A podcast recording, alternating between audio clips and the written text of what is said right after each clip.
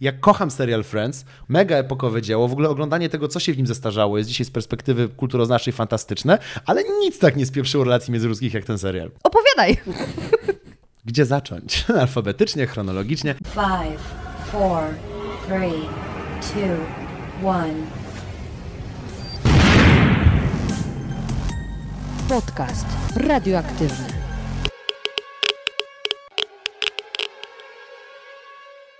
Dzień dobry, dzień dobry. Ja nazywam się Małgosia Zmaczyńska, a ty słuchasz podcastu radioaktywnego, czyli luźnych rozmów na nietypowe tematy. Każdy odcinek, dostępny też jako wideo na YouTube, to spotkanie z ciekawym człowiekiem, dzięki któremu nabierzesz świeżego spojrzenia na tylko z pozoru oczywiste sprawy. Do ilu potrafi liczyć gołąb? Dlaczego dopełniacz jest satanistą?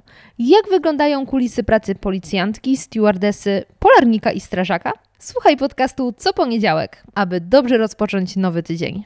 Ile razy w ciągu ostatniego miesiąca powiedzieliście, że musicie coś ogarnąć? Zakładam, że takich sytuacji było co najmniej kilka i w większości wcale nie chodziło Wam o sprzątnięcie zalegających w zlewie naczyń. W ostatnich latach częściej mamy na myśli ogarnięcie pracy, ogarnięcie studiów, ogarnięcie siebie, ale przede wszystkim ogarnięcie życia. Pomysł jest całkiem dobry, w sensie dobrze, żebyśmy ogarnęli życie, tylko pozostaje takie jedno dość kluczowe pytanie. Co to właściwie znaczy? Właśnie o ogarniętym życiu postanowiłam porozmawiać z moim dzisiejszym gościem Andrzejem Tucholskim, blogerem oraz psychologiem biznesu. W podcaście oprócz o sposobach na ogarnięte życie usłyszycie, dlaczego Polacy nie umieją small talku i dlaczego wcale nie musimy się tym martwić, a także jak żyć z myślą, że Ziemi grozi zagłada i to nie po raz pierwszy. Bardzo serdecznie zapraszam Was do wysłuchania naszej rozmowy. Podcast radioaktywny, odcinek z Andrzejem Tucholskim. Nagranie pierwsze. Nie, już nagranie drugie, już tu byłem. Dzień dobry, dzień dobry Andrzeju. Jak miło ponownie Cię gościć. Czołem. Boże, nie wiem od czego zacząć, bo... Obawiam mm, się, że ja tym bardziej. Dobrze, że to jest mój podcast, czyli jak gdyby A, ciężar jest na mnie, sprawy, co nie? nie ma sprawy. Bo dużo się wydarzyło od czasu naszego ostatniego nagrania, które było y, 70 parę odcinków temu. To jest bardzo dużo odcinków temu. Próbowałam to policzyć przed naszym spotkaniem, co Ci mówiłam, czekaj, bo liczę i nie policzyłam. to był dziewiąty To była ta odcinek. wyższa matma. Tak, to był Rozumiem. dziewiąty odcinek. Jejku, okej, faktycznie, to w sumie jakby byłem od samego początku gdzieś tam. No właśnie, myślę, że większość słuchaczy doskonale to wie. Jeśli nie, to znaczy, że jest ze mną e, od niedawna, ponieważ ja mówię to w średnio co trzecim odcinku. Że? Żadna statystyka nie jest prowadzona, ale pewnie co trzecim. Że ty jesteś ojcem chrzestnym mojego podcastu. Dokładnie tak. Tak go trzymałem i kąpałem w wręczyłem. chrzcielnicy. Dokładnie tak. Y, W tym, y, w wodach iTunesa. Od tego czasu, tak jak powiedziałam, od czasu naszego ostatniego Aha. odcinka sporo się wydarzyło, To prawda. bo stałeś się podcasterem. To też jest prawda. Jak to się stało? Opowiedz nam. Ja w ogóle lubię tą historię, bo ja mam takiego hopla prywatnego na tle. Historia jest taka. Ja mega nie lubię tego, że jak ja włożę w coś wysiłek, coś zrozumiem, coś ogarnę, coś przygotuję i powstaje jakaś wartość dla mnie. Bardzo nie lubię tego, żeby ona została tylko moja. W sensie jest coś, co mnie inherentnie niesamowicie drażni w zmarnowaniu czasu. W sensie, jeśli ja coś ogarnę i tylko ja mam z tego zysk, dla mnie to jest zmarnowany czas. Dlatego mam bloga, dlatego mam YouTube'a. I ja strasznie lubię mnożyć w ten sposób, coś, co mnie tam zainspiruje, bo sam jestem beneficjentem tego. W sensie, gdyby nie to, że ludzie wrzucają za darmo miliardy wiedzy do netu, nic bym nigdy nie osiągnął. W sensie, nie było mnie stać kiedyś na nic, na żadne kursy, na whatever, więc po prostu to chłonąłem jak szajbus i wydaje mi się, że w ogóle właśnie ten nasz ping-pong zawodowo-inspiracyjny jest tutaj jest, będzie już na zawsze jedną z moich ulubionych historii w tym kontekście. Mianowicie to jest prawda, że ja ci podrzuciłem podcast lata temu, żebyś założyła. Minęło, słuchajcie, parę lat i Dwa. dwa i zgadnijcie, kto mi podrzucił podcast, żebym ja założył. W sensie całe Jestem- życie słuchałem podcastów, całe życie byłem ich odbiorcą z wielu powodów, głównie zawodowych i, i rynkowych. Nie mogłem się nigdy zebrać, żeby go założyć, choć zawsze mnie to mega kusiło. Wtem. Wtem jestem matką chrzestną twojego podcastu. Dokładnie. Po prostu historia zatoczyła koło. Tak. Za chwilę, bo ten odcinek idzie w najbliższy poniedziałek. To będzie 23? Pojęcia nie ma. Nieważne, 23 chyba września 2019 roku. Możliwe, Jeśli tak. to jest inny dzień, to słuchajcie, sprawdźcie kalendarz, żebyście nie wiedzieli i nie myśleli, że dzisiaj jest inny dzień niż jest. A podcast y, radioaktywny założyłam gdzieś koło 25 października 2017, czyli to są praktycznie dwa Co ty lata. mówisz? Mega blisko. No i znowu się spotykamy. Dobrze, Szurnięte. ale Tak. oprócz tego, że zawsze miło jest Ciebie gościć, to spotykam się z jeszcze jednego powodu. Słucham. Bo ty sobie doszedłeś do wniosku, że ja wiem dużo i teraz, ponieważ lubię dzielić się wiedzą, to podzielę się nią z innymi. I właśnie wydałeś nowy kurs, Prawda. którego tytuł jest em, bardzo na czasie, ponieważ brzmi Jak ogarnąć życie. I z jednej strony, tak jak powiedziałam, jest on bardzo na czasie, bo y, my dużo gadamy. Więc ja ci y, podzieliłam się moją rozkminą, że takim czasownikiem naszego, naszego pokolenia jest coś ogarnąć. Kiedyś się o tym nie mówiło, kiedyś było ogarnąć bałagan, a my teraz ogarniamy wszystko dookoła w każdym temacie. Tak, albo mówiło się do wujka alkoholika, ogarnij się. Nawet był taki remix na YouTubie, ale nie będę cytować, bo Cięcie. cięcie, dokładnie. E, chyba, że to wypipczamy, ale dobra. W każdym razie, i ty stworzyłeś taki kurs, więc to jest bardzo dobre marketingowo dać ludziom coś, nad czym oni się ciągle zastanawiają, bo tak się właśnie robi, e, tak działa kapitalizm. Ludzie mają potrzebę, ty ją zaspokajasz. To prawda. Tylko kapitalizm, nic innego tak nie działa. Oczywiście. Nic innego na świecie tak nie działa poza kapitalizmem, że kiedy jest potrzeba, trzeba na nią odpowiedzieć. Dokładnie tak.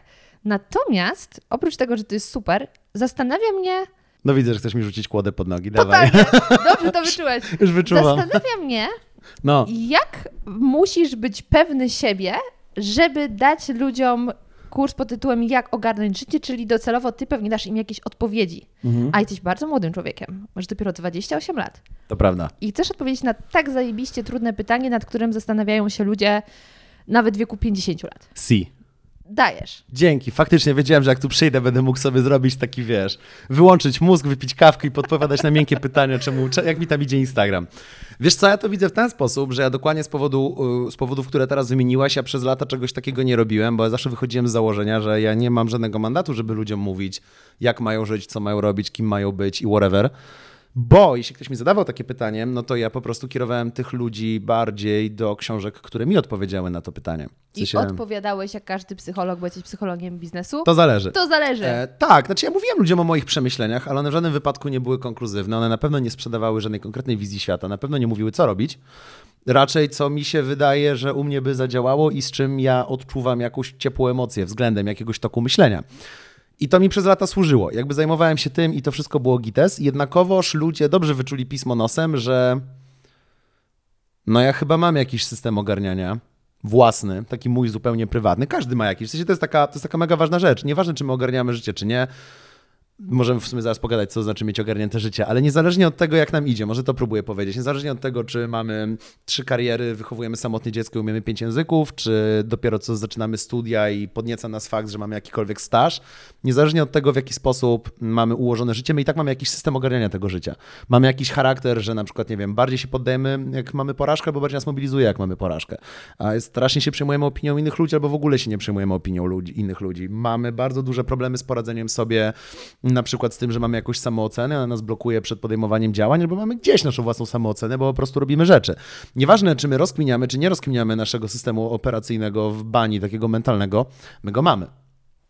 I zaczęło mi to dawać do myślenia, że ja chyba też jakiś mam. Najprawdopodobniej. Spośród tych wszystkich rzeczy, o których opowiadam, ja mam generalnie mentalność eksperymentatora, więc ja coś przeczytam, po czym zaczynam to natychmiast robić przez ileś tygodni i patrzę, czy mi się żyje lepiej, gorzej, czy mnie to rozdrażniło, czy zapomniałem o tym po dwóch dniach i, i przez lata nabierałem takich śmieci do łba, szczerze mówiąc. Jakby jedyne, jedyne, jak to umiem nazwać, to to, że moja głowa jest takim poligonem tysięcy eksperymentów, z których większość nie wypaliła, jakby nie wiem, co tam się do końca dzieje. Wtem e, nadeszła wiosna 2019 roku, kiedy masa rzeczy w moim życiu się wydarzyła, różnych, i wszystkie nie były przyjemne. Wobec tego, jak się wtedy zorientowałem, te zewnętrzne ciśnienia zaczęły mega korzystnie wpływać na moją skuteczność. Pierwszy raz w życiu zareagowałem na ogromne, ogromne ciśnienia zewnętrzne nie poddaniem się, nie zamienieniem się w taki kokon, który leży w wyrze i od 14 dni ogląda tylko seriale i domawia kolejne dominosy, tylko zacząłem niesamowicie przyspieszać. I zorientowałem się, jak wiele rzeczy, które gdzieś tam miałem w głowie poukładane, było bullshitem. Masa moich nawyków poszła przez okno. Po prostu przestałem, jak tylko życie zaczęło być naprawdę gorące, naprawdę zaczęło być ciężko, masa moich nawyków lub przyzwyczajeń w ogóle wyleciała oknem, z a byłem, sądziłem, że im coś zawdzięczam. A kiedy przyszło co do czego, okazało się, że nawet nie pamiętam, że istnieją, więc jak one bardzo musiały być sztuczne w moim życiu. I te wszystkie zewnętrzne ciśnienia doprowadziły do tego, że mi się uformowało coś na kształt stabilnego światopoglądu. Pierwszy raz w moim życiu mogę powiedzieć, że mam jakikolwiek spójny światopogląd, który się nie zmienia co dwa miesiące.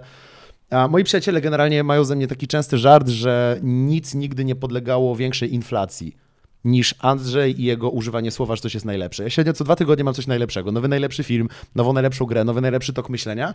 I mi się to pierwszy raz uspokoiło w tym roku. Pierwszy raz mam coś ustabilizowanego i co jest mega ważne, pierwszy raz mam coś mojego. Bo ten tok myślenia, który się wyklarował z tych zewnętrznych ciśnień, jest w 100% mój. Pierwszy raz w życiu nie jestem człowiekiem, który coś powtarza, który umie trochę być może czytelniej wyjaśnić, na czym polega współczesny stoicyzm, który nie ma, a, który nie podnieca się tym, co napisali jacyś ludzie 120 lat temu, tylko jakby realnie zacząłem mieć swoje prywatne wnioski. W takim rozumieniu, w jakim ja odbieram autorskość czegoś, czyli no bez mojego, bez mojego toku myślenia, bez mojego wtrętu, one po prostu się rozpadają, więc, więc jestem ten mój tok myślenia jest gdzieś tam ważny, żeby ten wniosek zadziałał. Ja się z tym źle czuję, bo ja nie lubię opowiadać o sobie jakoś tak inherentnie. Wolę opowiadać o czymś, wolę opowiadać o filmach, o anegdotkach, o scenariuszach. Mega nie lubię opowiadać o sobie. No mówię, ale moje, moi, moi, moja widownia, moi odbiorcy wyczuli pismo nosem, że coś jest na rzeczy. Zaczęli mnie o to mega męczyć, no i przygotowałem ten kurs. I kurs, generalnie jak wejdziecie na stronę sprzedażową, to ona będzie was zniechęcać, bo mam dokładnie samo podejście, które ty masz. Ja jestem gówniarzem, który sobie coś rozkminił, ja nie wydaje mi się, żebym tam odpowiadał na żadne wielkie pytanie. Jednakże ja należę do ludzi, którzy lubią innym zaglądać w okna. Ja strasznie lubię um, na przykład takie sytuacje, w których mogę poczytać, jak co kto ma na biurku, w jaki sposób ktoś rozwiązuje problemy. Kocham, był kiedyś taki cykl w necie na chyba Lifehackerze, jak to, co ma w plecaku.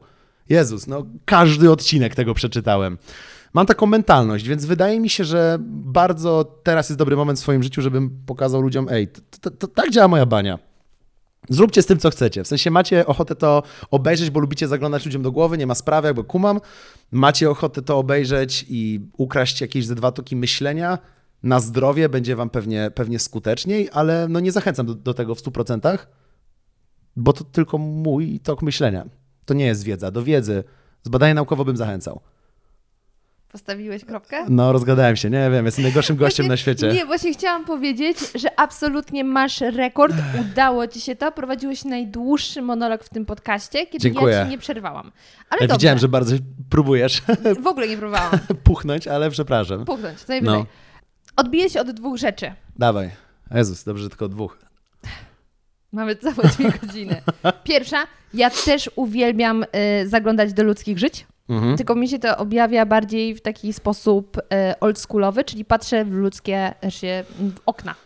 Ja tak samo. Słuchajcie, w Polsce, nie wiem w ilu krajach Europy mieszkaliście, ale Polska ma rekordowo dużo zamieszkałych parterów. To jest generalnie rzadkość. Znaczy, to jest częste w postkomunistycznych miastach, że są, e, na parterach są mieszkania. Bardzo często, nie wiem, w Portugalii prawie w ogóle nie ma parterowych mieszkań. W sensie wszędzie masz prawie użytki.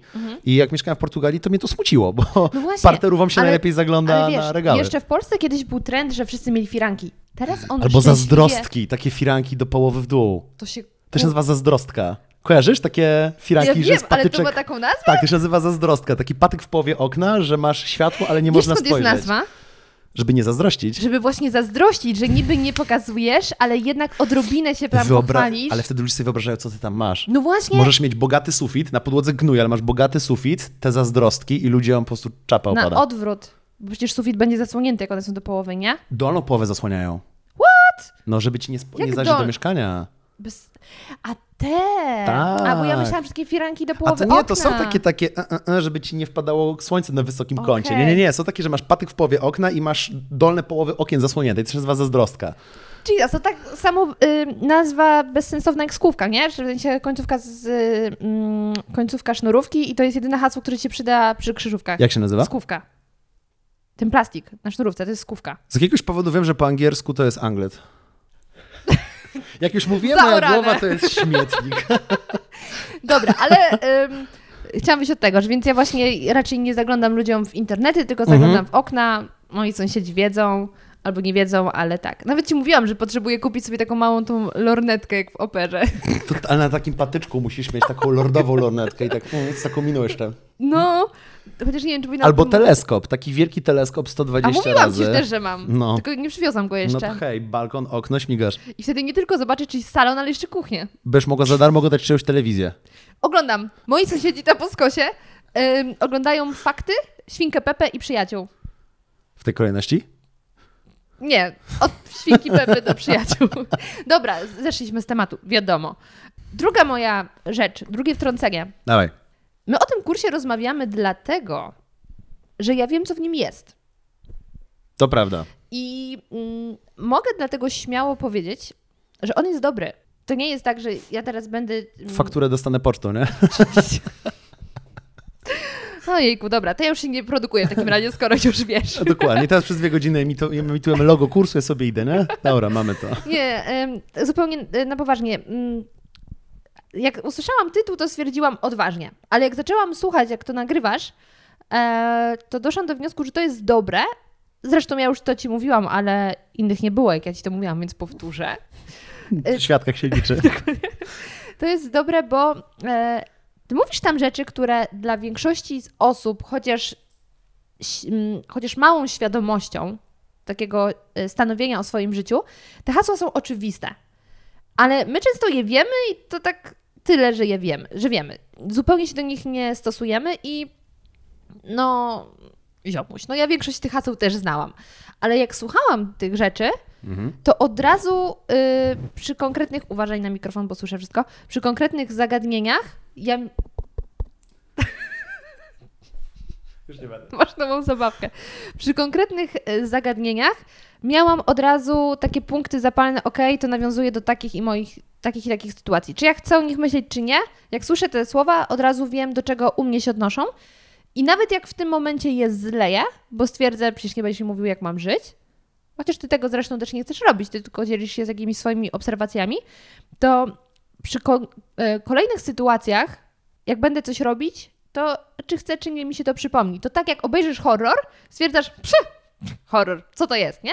I nagle przypadkiem... Potem w nocy chce się sikło drugiej nad ranem, nie? I wtedy jest taki, a w sumie ja nie muszę, nie? Zostanę w łóżku. Poczekam do świtu. Dokładnie. I y, myślę, że y, te rzeczy, które mówisz, działają tak jak horror. Piękna metafora, wiem. Przypomną Czy rozważałeś się, karierę copywriterki? e, przypominają ci się w takich sytuacjach, które na przykład byś trochę nie chciał, ale wiesz, że to dobrze ci przypominają, bo nie wejdziesz w ciemny zaułek. Zajebista Dokładnie. metafora. Nie zejdę sam do piwnicy, wiedząc, że coś tam szumi. Piwnice są mega creepy. Dalej się ich boję. Tak? No. O. Anegdota. E, Kiedyś fact. w bloku moich rodziców oszabrowali wszystkie piwnice i tylko jedna się ostała, jest to piwnica moich rodziców, ponieważ mój tata nagromadził tam tyle rzeczy, których nie można wyrzucić, bo się kiedyś przydadzą, że dosłownie ci kolesie otworzyli drzwi, włamali się do piwnicy, spojrzeli, westchnęli i olali ją zupełnie. Czyli był tak duży wybór, że nie wiedzieli, co wybrać. Piwnica moich rodziców wygląda tak, że otwierasz ją i masz ścianę rzeczy włożonych tak na Tetris, nie? Czy to jest zamknięta szafa. Tak. Ale I widzisz, choinka jest w głębi i co roku w grudniu wyjmujemy połowę piwnicy, wyjmujemy choinkę, wkładamy połowę piwnicy i potem jest powtórka w styczniu. Tylko, że ale czy wy pamiętacie wszystkie rzeczy, które tam macie? Absolutnie nie ma opcji. To wiesz, że możecie wyciągnąć tą choinkę i kilka randomowych rzeczy i później zapakować je w papier ozdobny? Czekaj, halo tato? Ojejku. E, ale już tak a propos tego, że tam było tyle rzeczy, Mhm. to będzie takie przejście totalnie radiowo-telewizyjne. Dawaj. Słuchaj. Andrzeju, powiedziałeś, że w tej waszej piwnicy macie dużo różnych rzeczy, Mhm. dlatego złodzieje nie wiedzieli, na co się zdecydować. Mhm. I myślę, że, myślę, że to jest trochę tak jak w naszym życiu. Zaczynam wątpić. Nie, tak zupełnie poważnie. Em, temat ogarnięcia. Tak. Ja ci powiedziałam, że mam bardzo duży y, problem z tym hasłem, Mhm. bo nasze pokolenie, uważam, że jesteśmy tym samym. Byłoby strasznie ciężko, żebyśmy byli dwoma pokoleniami. Dobrze. Nasze pokolenie mm, zewsząd słyszy, że no, musi się ogarnąć, czas się ogarnąć, muszę ogarnąć dobrą pracę, ogarnąć mieszkanie, ogarnąć studia, No to prawda. ogarnąć relacje międzyludzkie. Tylko problem jest taki, że my nie wiemy, jak to ma wyglądać. Mhm. Więc, O, z masy powodów. więc próbować coś ogarnąć, nie wiedzieć, jak, do jakiego stanu to ogarnąć, Mhm. rodzi frustrację, bo ty się ciągle porównujesz do, inni ludzi, do innych ludzi, którzy wydaje ci się, że lepiej ogarniają, bo przecież pracują w korpo, zarabiają dobre pieniądze, no to są chyba ogarnięci. Tylko ludzie z korpo sobie myślą, kurde, nie mam życia towarzyskiego, siedzę od rana do wieczora w pracy, Chyba powinienem Ja ogarnąć się wiem, w życiu. i odpala się taki mechanizm, że zawsze jest trawa bardziej zielona po drugiej stronie płotu i tak nagle się okazuje, że nie ma ludzi ogarniętych, bo ktoś, kto postawił na karierę, nie ma rodziny, ktoś, kto postawił na rodzinę, żałuje, że nie ma tyle kasy Tak. i powstaje taka pętelka Tylko, i wszyscy że- są smutni, Tylko, nie? że z jednej strony kiedyś też tak było, że jeśli masz więcej Jasne. jednego, to masz mniej drugiego, ale nie było takiej w ogóle presji, żeby się ogarnąć. I my nagle y, puka powiedzmy 23 rok życia i sobie myślisz, aha, czas się ogarnąć, bo dorosłość. Tylko ty nie wiesz, co to jest ta dorosłość. To prawda, własne mieszkanie, trzeba zacząć płacić podatki, pójść do pracy, rozpocząć karierę. Pogodzić się z faktem, że ta kariera będzie trwała na przykład, wiesz, 45 lat, ale będziesz musiała zmieniać tą karierę co 7 według najnowszych danych, bo człowiek co 7 lat powinien zmienić karierę według tego, jak dzisiaj A, wygląda myślałam, rynek. że i tak krócej. Nie, jeśli jesteś uparta, to co 7, a w praktyce bardzo często co 3 lata, kiedy, bo awansy są z reguły co 3 lata zawodowo, bardzo często awanse są e, ukośne, czyli awansujesz na pozycję, która nie jest do końca twoim awansem, po prostu coś się zwolniło w firmie. Możemy tak Okej. w nieskończoność. Jest tak zagmatwane, jak żyć, że się w zasadzie nie da odpowiedzieć na to pytanie. Plus jest jeszcze jedna właśnie rzecz, która nawiązuje do twojej Tak. piwnicy. Jest tyle możliwości, że ty nie wiesz, którą drogą pójść, bo kiedyś tych możliwości było zupełnie obiektywnie mniej. Wiem i widzisz, e, mogę już zacząć monolog? Bo już, się, już się zbieram. Już, zmęczyłam już się rozpędzam. Ja traktuję słowo ogarnąć wcześniej. Ja nie mam nic do tego. Jeśli ktoś nie chce iść do pracy, to niech nie idzie. Nie, w ogóle nie oceniam, znaczy siebie oceniam. Ja jestem człowiekiem strasznie wynikowym i ja swoją wartość życiową przeliczam stricte na outcome, czegoś, co zrobiłem, na efekty czegoś, co zrobiłem. Nie chodzi o kasę, tylko moja, ja sam dla siebie, moje ego i moja tożsamość jest stricte związana z tym, czy zrealizowałem jakieś rzeczy, które sobie postanowiłem. Ale inni tak nie muszą mieć. Jakby różnice indywidualne są chyba największą dziedziną psychologii, szczerze mówiąc. I, i każdy z nas jest. Każdy z nas jest inny do siebie, ale do czego zmierzam? E, To, co nazwałaś, jest dla mnie o tyle mega ciekawe, że mamy jakieś problemy cywilizacyjne, ja tak sobie to nazywam roboczo. Fakt, kiedyś było mniej możliwości, więc de facto były łatwiejsze. Kiedyś bardziej było wiadomo, co należy robić, bo miałaś bardzo mocne i twarde schematy, które się odziedziczyło, czasami co pokolenie. Zwróćmy uwagę, jak to jest nowa rzecz, że w trakcie jednego e, pokolenia w ogóle musisz robić jakąkolwiek zmianę społeczną. W sensie kiedyś zmiany społeczne zajmowały x pokoleń. I w kontekście w ogóle historii ludzkości, jak tak sobie zrobimy duży zoom out, to to jest niesamowita nowość, że my musimy się dostosowywać do czegoś społecznie na przykład co trzy miesiące albo co pół roku. Kiedyś to przynajmniej zajmowało tak uczciwie dychę, nie? 10 lat minimum. I ja rozumiem słowo ogarnięcie i ja w ten sposób projektuję moje treści i wszystko, czym się zajmuję, żeby rzeczy, które mogą być zaletą, nie były wadą. Fajnie, że poruszyłaś temat możliwości wyboru. Jestem w 100% pewien, że nic lepszego nie spotkało ludzkości pod kątem zawodowym niż to, że mamy nieograniczony wybór. W sensie funkcjonalnie, wcale nie musząc angażować Bóg wie jakich pieniędzy, mogę nauczyć się teraz nowego języka w 3 lata, używając um, wolnego uniwersytetu na UW. Albo możesz nauczyć się robić remonty. Mogę nauczyć się wiercić. Przerwamy, jak koleś wierci? Co z tym robimy? Lećmy dalej, zobaczymy jak będzie. Dobra. Moim zdaniem to była próbna wkrętka, bo ja z moim tatą regularnie robimy jakieś rzeczy, więc... Oni się tak skradają, Mhm. ale później zrobią znowu przerwę. A no tak, bo trzeba wypić browarka, skoro już tak ładnie wywiercili regalik. Dygresja, skoro i tak być może Mhm. nam ją... Już jest po 12, więc Tak. mogą. Być może nam spoko, o 23 też wiercą. Też mogą. Yy, skoro i tak już nam przerwano. Czy ty też zauważyłeś, że o ile wiele rzeczy w świecie jest niepewnych, Mhm. to jedna jest pewna. Sąsiad z wiertarką? Nie. Że ekipa remontowa nigdy nie wyrobi się w terminie. Oczywiście, że tak. Nie znam człowieka, który powiedział, no, moja ekipa wyszła o czasie. To, to, to nie działa. Czy mogę chamskim telewizyjnym sznytem użyć dokładnie tego jako odpowiedzi na poprzednie pytanie? Dziękuję, To że mi podsunęłaś. Proszę. Nie ma nic lepszego niż to, jakie mamy możliwości zawodowe.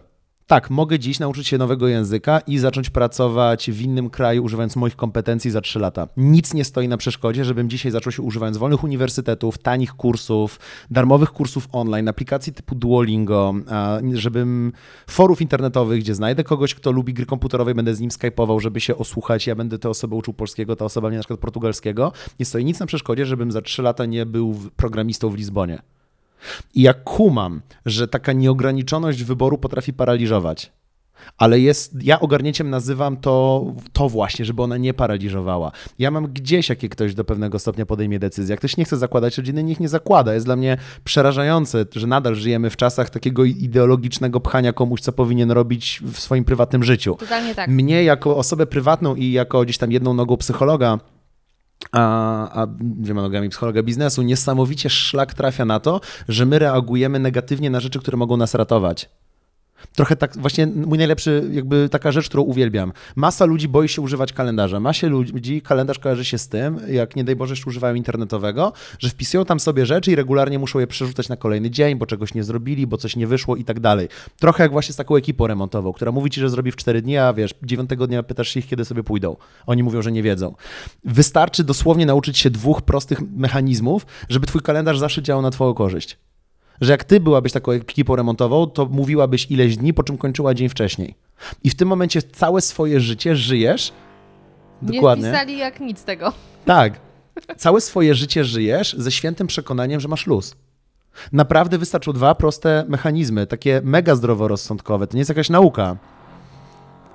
Tak chyba powstał dubstep. Miałem dokładnie co powiedzieć, że pan u góry może nie jest ekipą remontową, tylko spełnia swoje marzenie o byciu DJ-em. Skrillex wczesne lata. W przerwie, kiedy mój wspaniały sąsiad wierci kolejną dziurę, postanowiłam Wam przypomnieć, że możecie wesprzeć podcast na Patronajcie. Co to właściwie oznacza? Oznacza to tyle, że dzięki Waszym małym wpłatom, na przykład 6 zł albo 10 zł, które są takimi odpowiednikami wirtualnej kawy, pomagacie mi pokryć podstawowe koszty tworzenia podcastu, to znaczy programów, w którym go montuję, stron internetowych, w których jest publikowany, a także koszty podróży związane z nagraniem podcastu. Ok, ale zapytacie, jak jaka jest tutaj korzyść dla Was? I to jest bardzo dobre pytanie. Oczywiście podstawowa rzecz to podcast dalej będzie się pojawiał, dalej będę tworzyła treści, które wiem z Waszych wiadomości umilają Wam przeróżne czynności. Oprócz tego między innymi będziecie mieli dostęp do specjalnej grupy dla patronów, będziecie mogli brać udział w naszych spotkaniach, a także na przykład będziecie mogli zadawać pytania gościom. Więcej informacji, więcej szczegółów znajdziecie na stronie patronite.pl ukośnik zmacznego. Powrót po małej przerwie. Powrót, chociaż pewnie i tak będziemy przerywać, bo tak. pan nie ma kalendarza. Y, Powiedziałeś, że nie korzystamy y, z rozwiązań, które mogłyby nam ułatwić życie. I Właśnie, jako przykład dałeś kalendarz. do kalendarza. Mega często czujemy się zaszczuci. Każdy, no dobra, jakby Nie generalizujemy, ale wiele osób. pod, podnieśmy ręce każda osoba, która nie ma regularnie wieczorem wrażenia, że czuje się zaszczuta, bo ten dzień był trudny, za szybki, nie zrobiłem wszystkiego, co chciałem, jest 21, muszę jeszcze nastawić pranie, nie jestem gotów na jutro i szlak mnie trafia. Codzienność, nie? Ona nie musi tak wyglądać. W sensie naprawdę można podjąć parę decyzji wcześniej, mieć trochę lepsze ogarnięcie, jeśli chodzi o obsługę własnego kalendarza i siebie w czasie, i reszty życia mieć takie ogólne poczucie, że nie jest aż tak źle. I to jest moja definicja ogarnięcia. Mega mnie przeraża, że my jako ludzkość trochę się godzimy na to, że żyjemy pod emocjonalną kreską jako standard. Czyli na przykład akceptujemy stres jako standard, akceptujemy niewyspanie jako standard. To jest dla mnie nieogarnięcie życia. To, czy ma ktoś dzieci lub czy coś zarabia, czy wziął kredyt, nie ma kredytu, nie ma mieszkania. Ja jestem w mojej własnej opinii człowiekiem, który odnosi jakieś tam sukcesy, w sensie zawodowe na przykład. Lubię to, co robię, wiem, że pomagam ludziom i mam rzeczy, które chcę mieć. Na przykład stać mnie na książki albo na fajne wydania seriali na DVD, które są ciężko, ciężkie do zdobycia. Ja mam poczucie horrendalnego sukcesu wręcz, ale wiem, że w oczach takich mega klasycznego e, patrzenia na sukces ja jestem niedojdą. Dobijam trzydziestki, nie mam rodziny, nie mam własnego mieszkania, jakby dzięki Bogu mam auto, nie? Bo po prostu w Polsce byłbym wyklęty jako Wiedziałam, osoba. że w tej rozmowie będzie musiała się pojawić Twoja nowa beta. Oczywiście, ja się swoją betą chwalę absolutnie wszędzie, ale wiesz o co mi chodzi? W takim klasycznym rozumieniu sukcesu ja jestem chodzącym pasmem porażek, w takim polskim kminieniu, co powinien zrobić Polak po 25 roku życia. Absolutnie jesteśmy oboje nieudacznikami Tak, w takim w, top, razie. w topa dekady, nie? A ja mam poczucie zrealizowania as fuck, więc ja mam trochę gdzieś, jakie kto inny ma poczucie zrealizowania, bo ktoś inny może mieć gdzieś seriale na DVD albo książki, bo dla niego jest ważniejsze whatever. Nie obchodzi mnie to. Chodzi mnie tylko i wyłącznie o to, żebyśmy nie czuli się wiecznie pod kreską. To mnie przeraża. My jako społeczeństwo, jako młodzi ludzie chodzimy smutni, my chodzimy zestresowani, my chodzimy wpieprzeni, my się porównujemy do innych. I wszystkie porady, jakie ja znajdowałem do tej pory wszędzie, czy to w literaturze, czy w psychologii, czy w jakichś popularno-naukowych pierdoletach, czy w filozofii jakiejś starszej, którą próbowałem sobie samoczynnie interpretować, one się bardzo często opierały o takie roszczeniowe rozkminianie. Czyli na przykład wiesz, w jaki sposób się nie porównywać? E, Odinstaluj Instagrama. To nie jest rozwiązanie problemu, bo jak ty odinstalujesz Instagrama, zaczniesz przeglądać pisma w Empiku. Jak odinstalujesz pisma w Empiku sobie, bo przestaniesz chodzić do centrów handlowych, zaczniesz porównywać się do innych ludzi, którzy stoją w korku koło ciebie. Dopóki się nie naprawi wartości, dopóki się nie naprawi systemu, który ma się w bani, tak, światopoglądu, my absolutnie nie uwolnimy się od tych problemów. I to jest moja definicja ogarnięcia. Strasznie trzeba wcześniej zacząć tą robotę, bo w tym momencie, jeśli my będziemy niezestresowanym człowiekiem, który kuma swoje priorytety, rozumie swoje emocje, jest odważny względem swoich emocji, podejmuje jakieś decyzje w oparciu o siebie, ciężko ci cokolwiek zrobić. W sensie w tym momencie, nawet jeśli zostaniesz zwolniona z pracy, możesz mieć poczucie, że to jest na twoich warunkach i to jest wiatr w twoje żagle. A nie, że właśnie ci się przekreśliły wszystkie możliwe szanse, jakie kiedykolwiek miałaś i już wszystko będzie na zawsze do dupy i właśnie zaszło słońce po raz ostatni w tym wieku. Ja się totalnie z Tobą zgadzam. Na pewno jesteś Ej. zaskoczony z tego powodu, No. że się z Tobą zgadzam, że, że dopóki my będziemy nieszczęśliwi, jak gdyby sami ze sobą, to ciężko, żebyśmy mieli szczęśliwe życie. Uj. I dlatego też e, ja zaczęłam ten cykl chamskich motywajek. E, jeśli chcesz być bardzo rich, zapierdalaj ostro. Przepraszam e, za przekleństwa, ale taki jest dosłowny cytat. Że my szukamy jakichś takich głupich półśrodków, typu codziennie będę powiedzmy mm, jakieś hasło motywacyjne sobie czytać, albo e, będę cisnąć schodakowską. Ale to Szukamy są takie... narzędzi. Tak, kupię sobie super herbatkę, która ma mi koić nerwy i ma 14 składników i kosztuje 19 zł i to wystarczy, Ty, żebym się czuł ale dobrze, tam nie? kij koić nerwy, bo jeśli mamy lisę, to prawdopodobnie trochę cię uspokoi.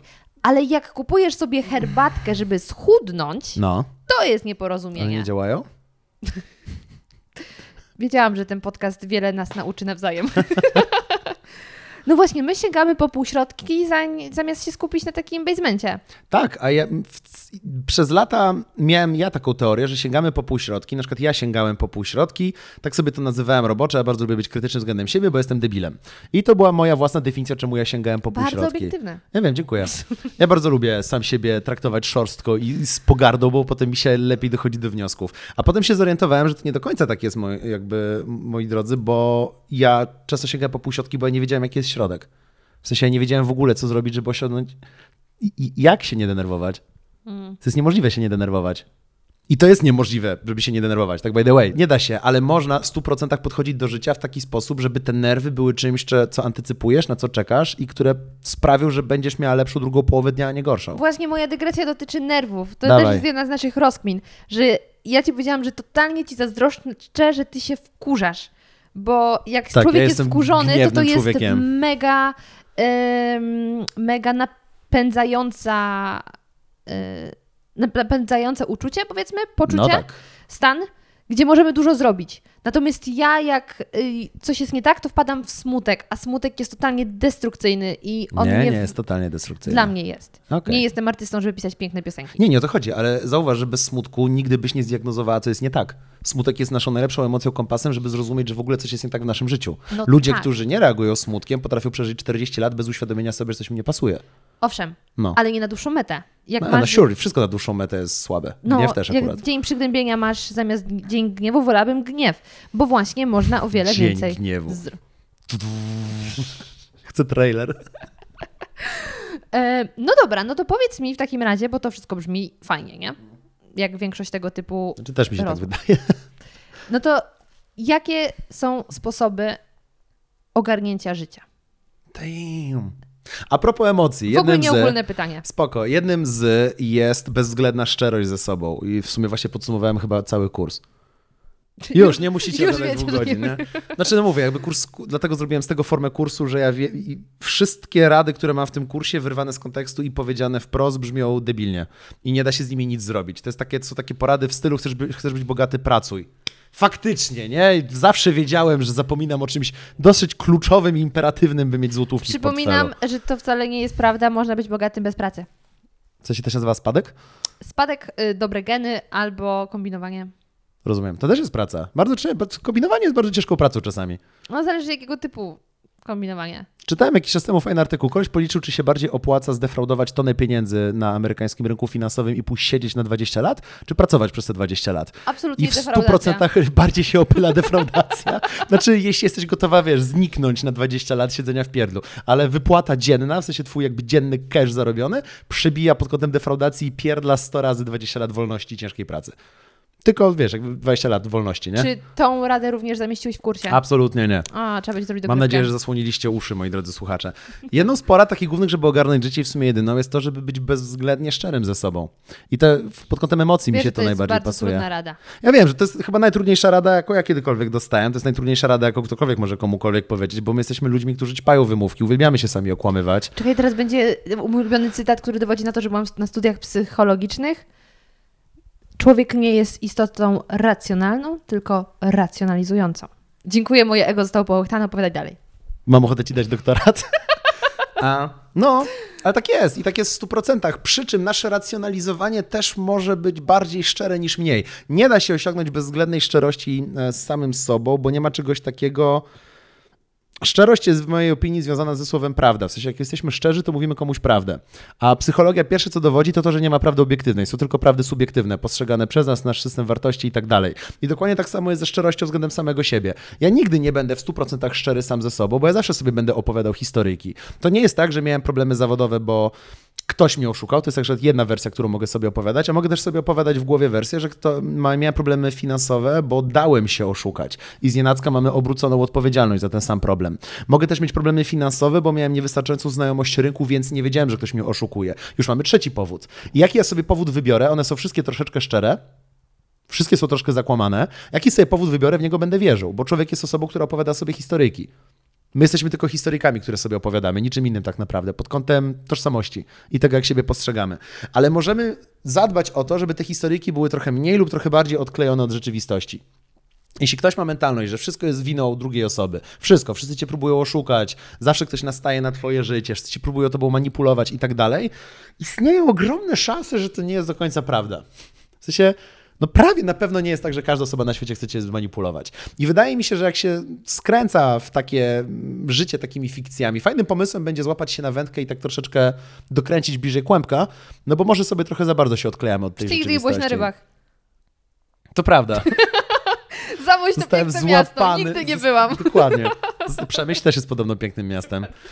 Zostałem złapany na gorącym uczynku, że używam anegdot, które widziałem na filmach. E, słuchajcie, to jest jakby jeden temat. A drugi temat jest taki, że w drugą stronę, jeśli człowiek regularnie sobie pozwala na wyobrażanie, że z jakiegoś zewnętrznego powodu coś się nie wydarzyło, też dobrym pomysłem będzie nie obwiniać siebie za wszystko, bo tak samo łatwo jak wiecznie żyć w cukierkowym świecie, że wszyscy są wszystkiemu winni, a ja nic nie zrobiłem, bardzo wielu ludzi w naszym wieku żyje w takim wiecznym poczuciu, że wszystko jest naszą winą. Wszystkim dookoła się udaje, a mi się nie udaje, bo e, jestem leniwy, bo nie umiem się podnieść, bo, bo jestem idiotą, bo mam głupie emocje, bo jestem słabym człowiekiem i tak dalej. Ale to też jest kłamstwo.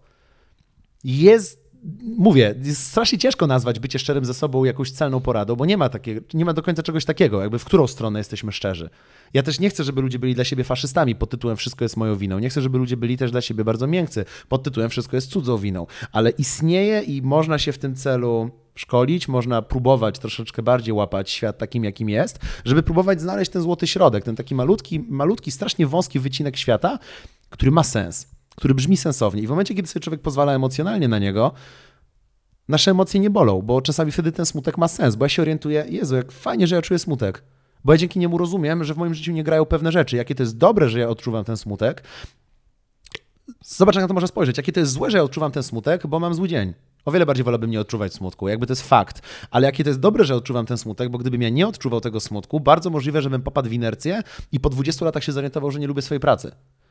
A za darmo dowiaduję się dzisiaj, że nie lubię swojej pracy. Jak wielu jest ludzi po 40 z wypaleniem zawodowym, bo zagłuszali ten smutek, bo nie pozwalali sobie doczuć tej emocji. No właśnie teraz przerwę twój monolog, chyba że sam go zakończyłeś.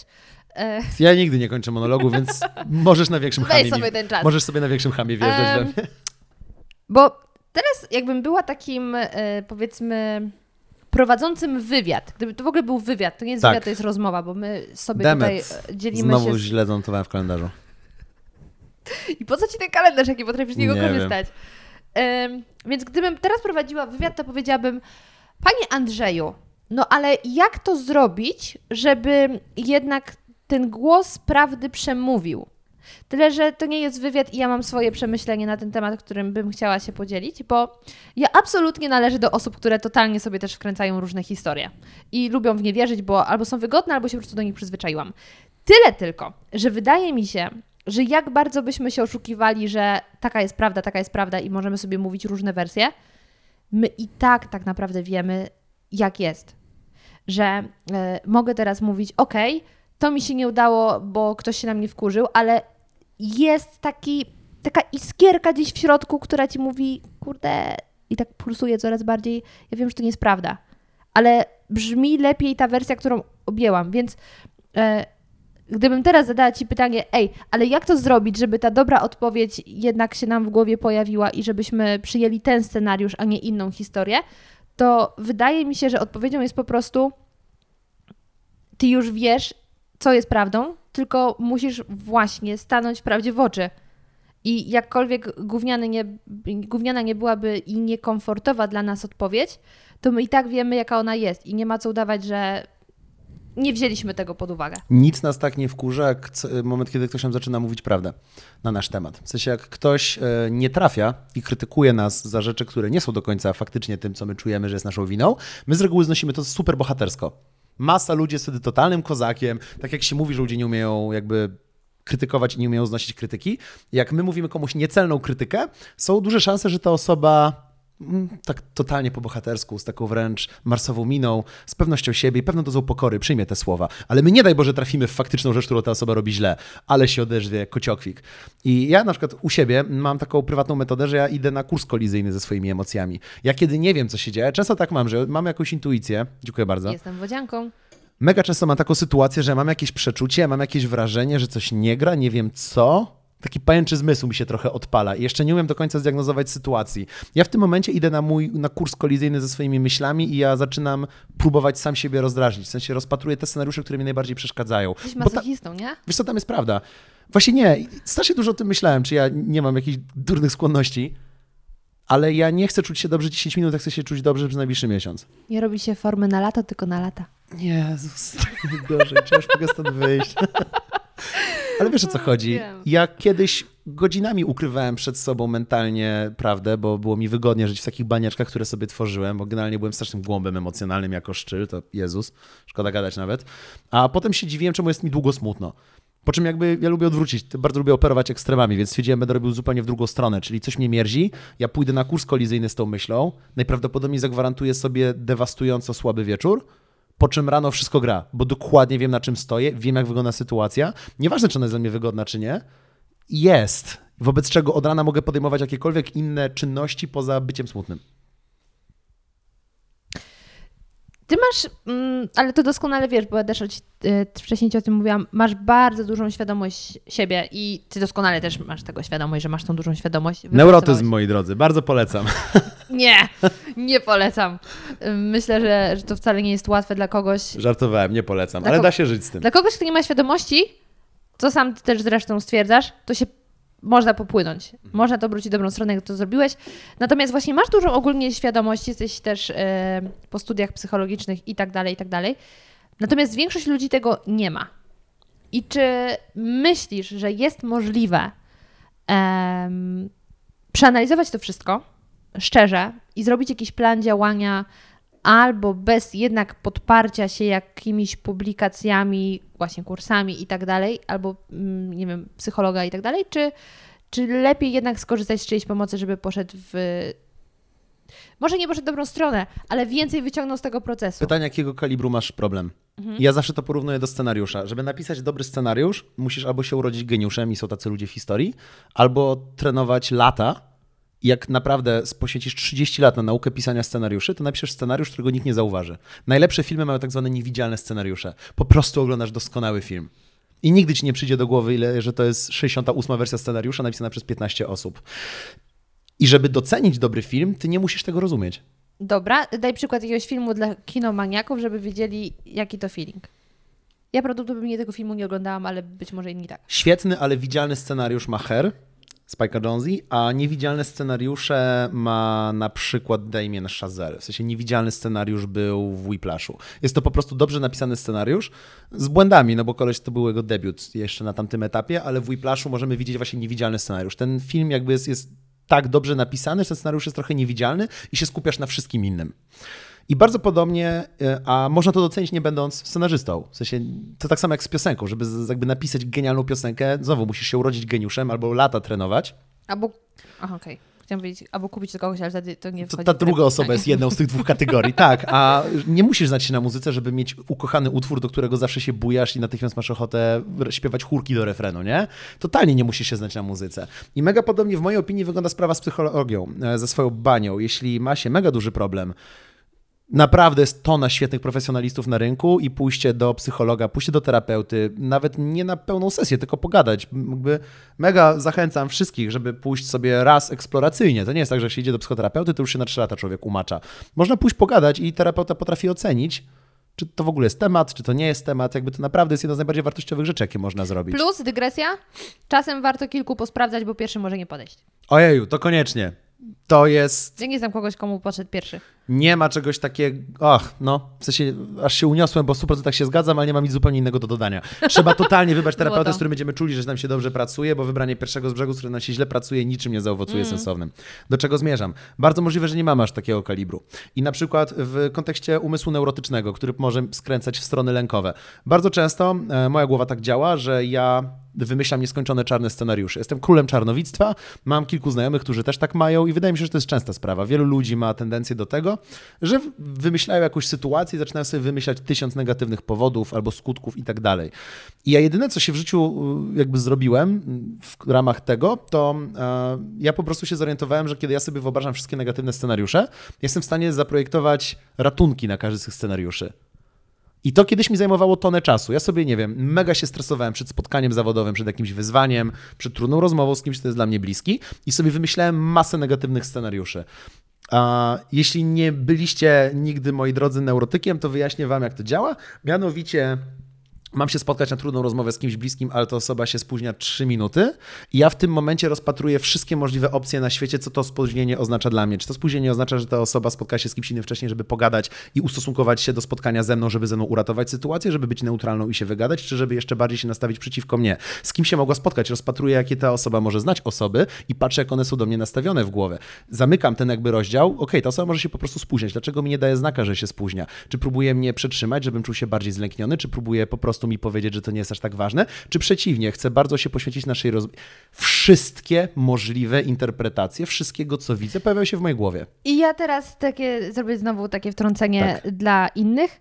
Mówi się, że kobiety tak mają, że one e, analizują drugie dno. Więc ja mam Ja wrażenie... mam więcej męskich kumpli, którzy tak mają.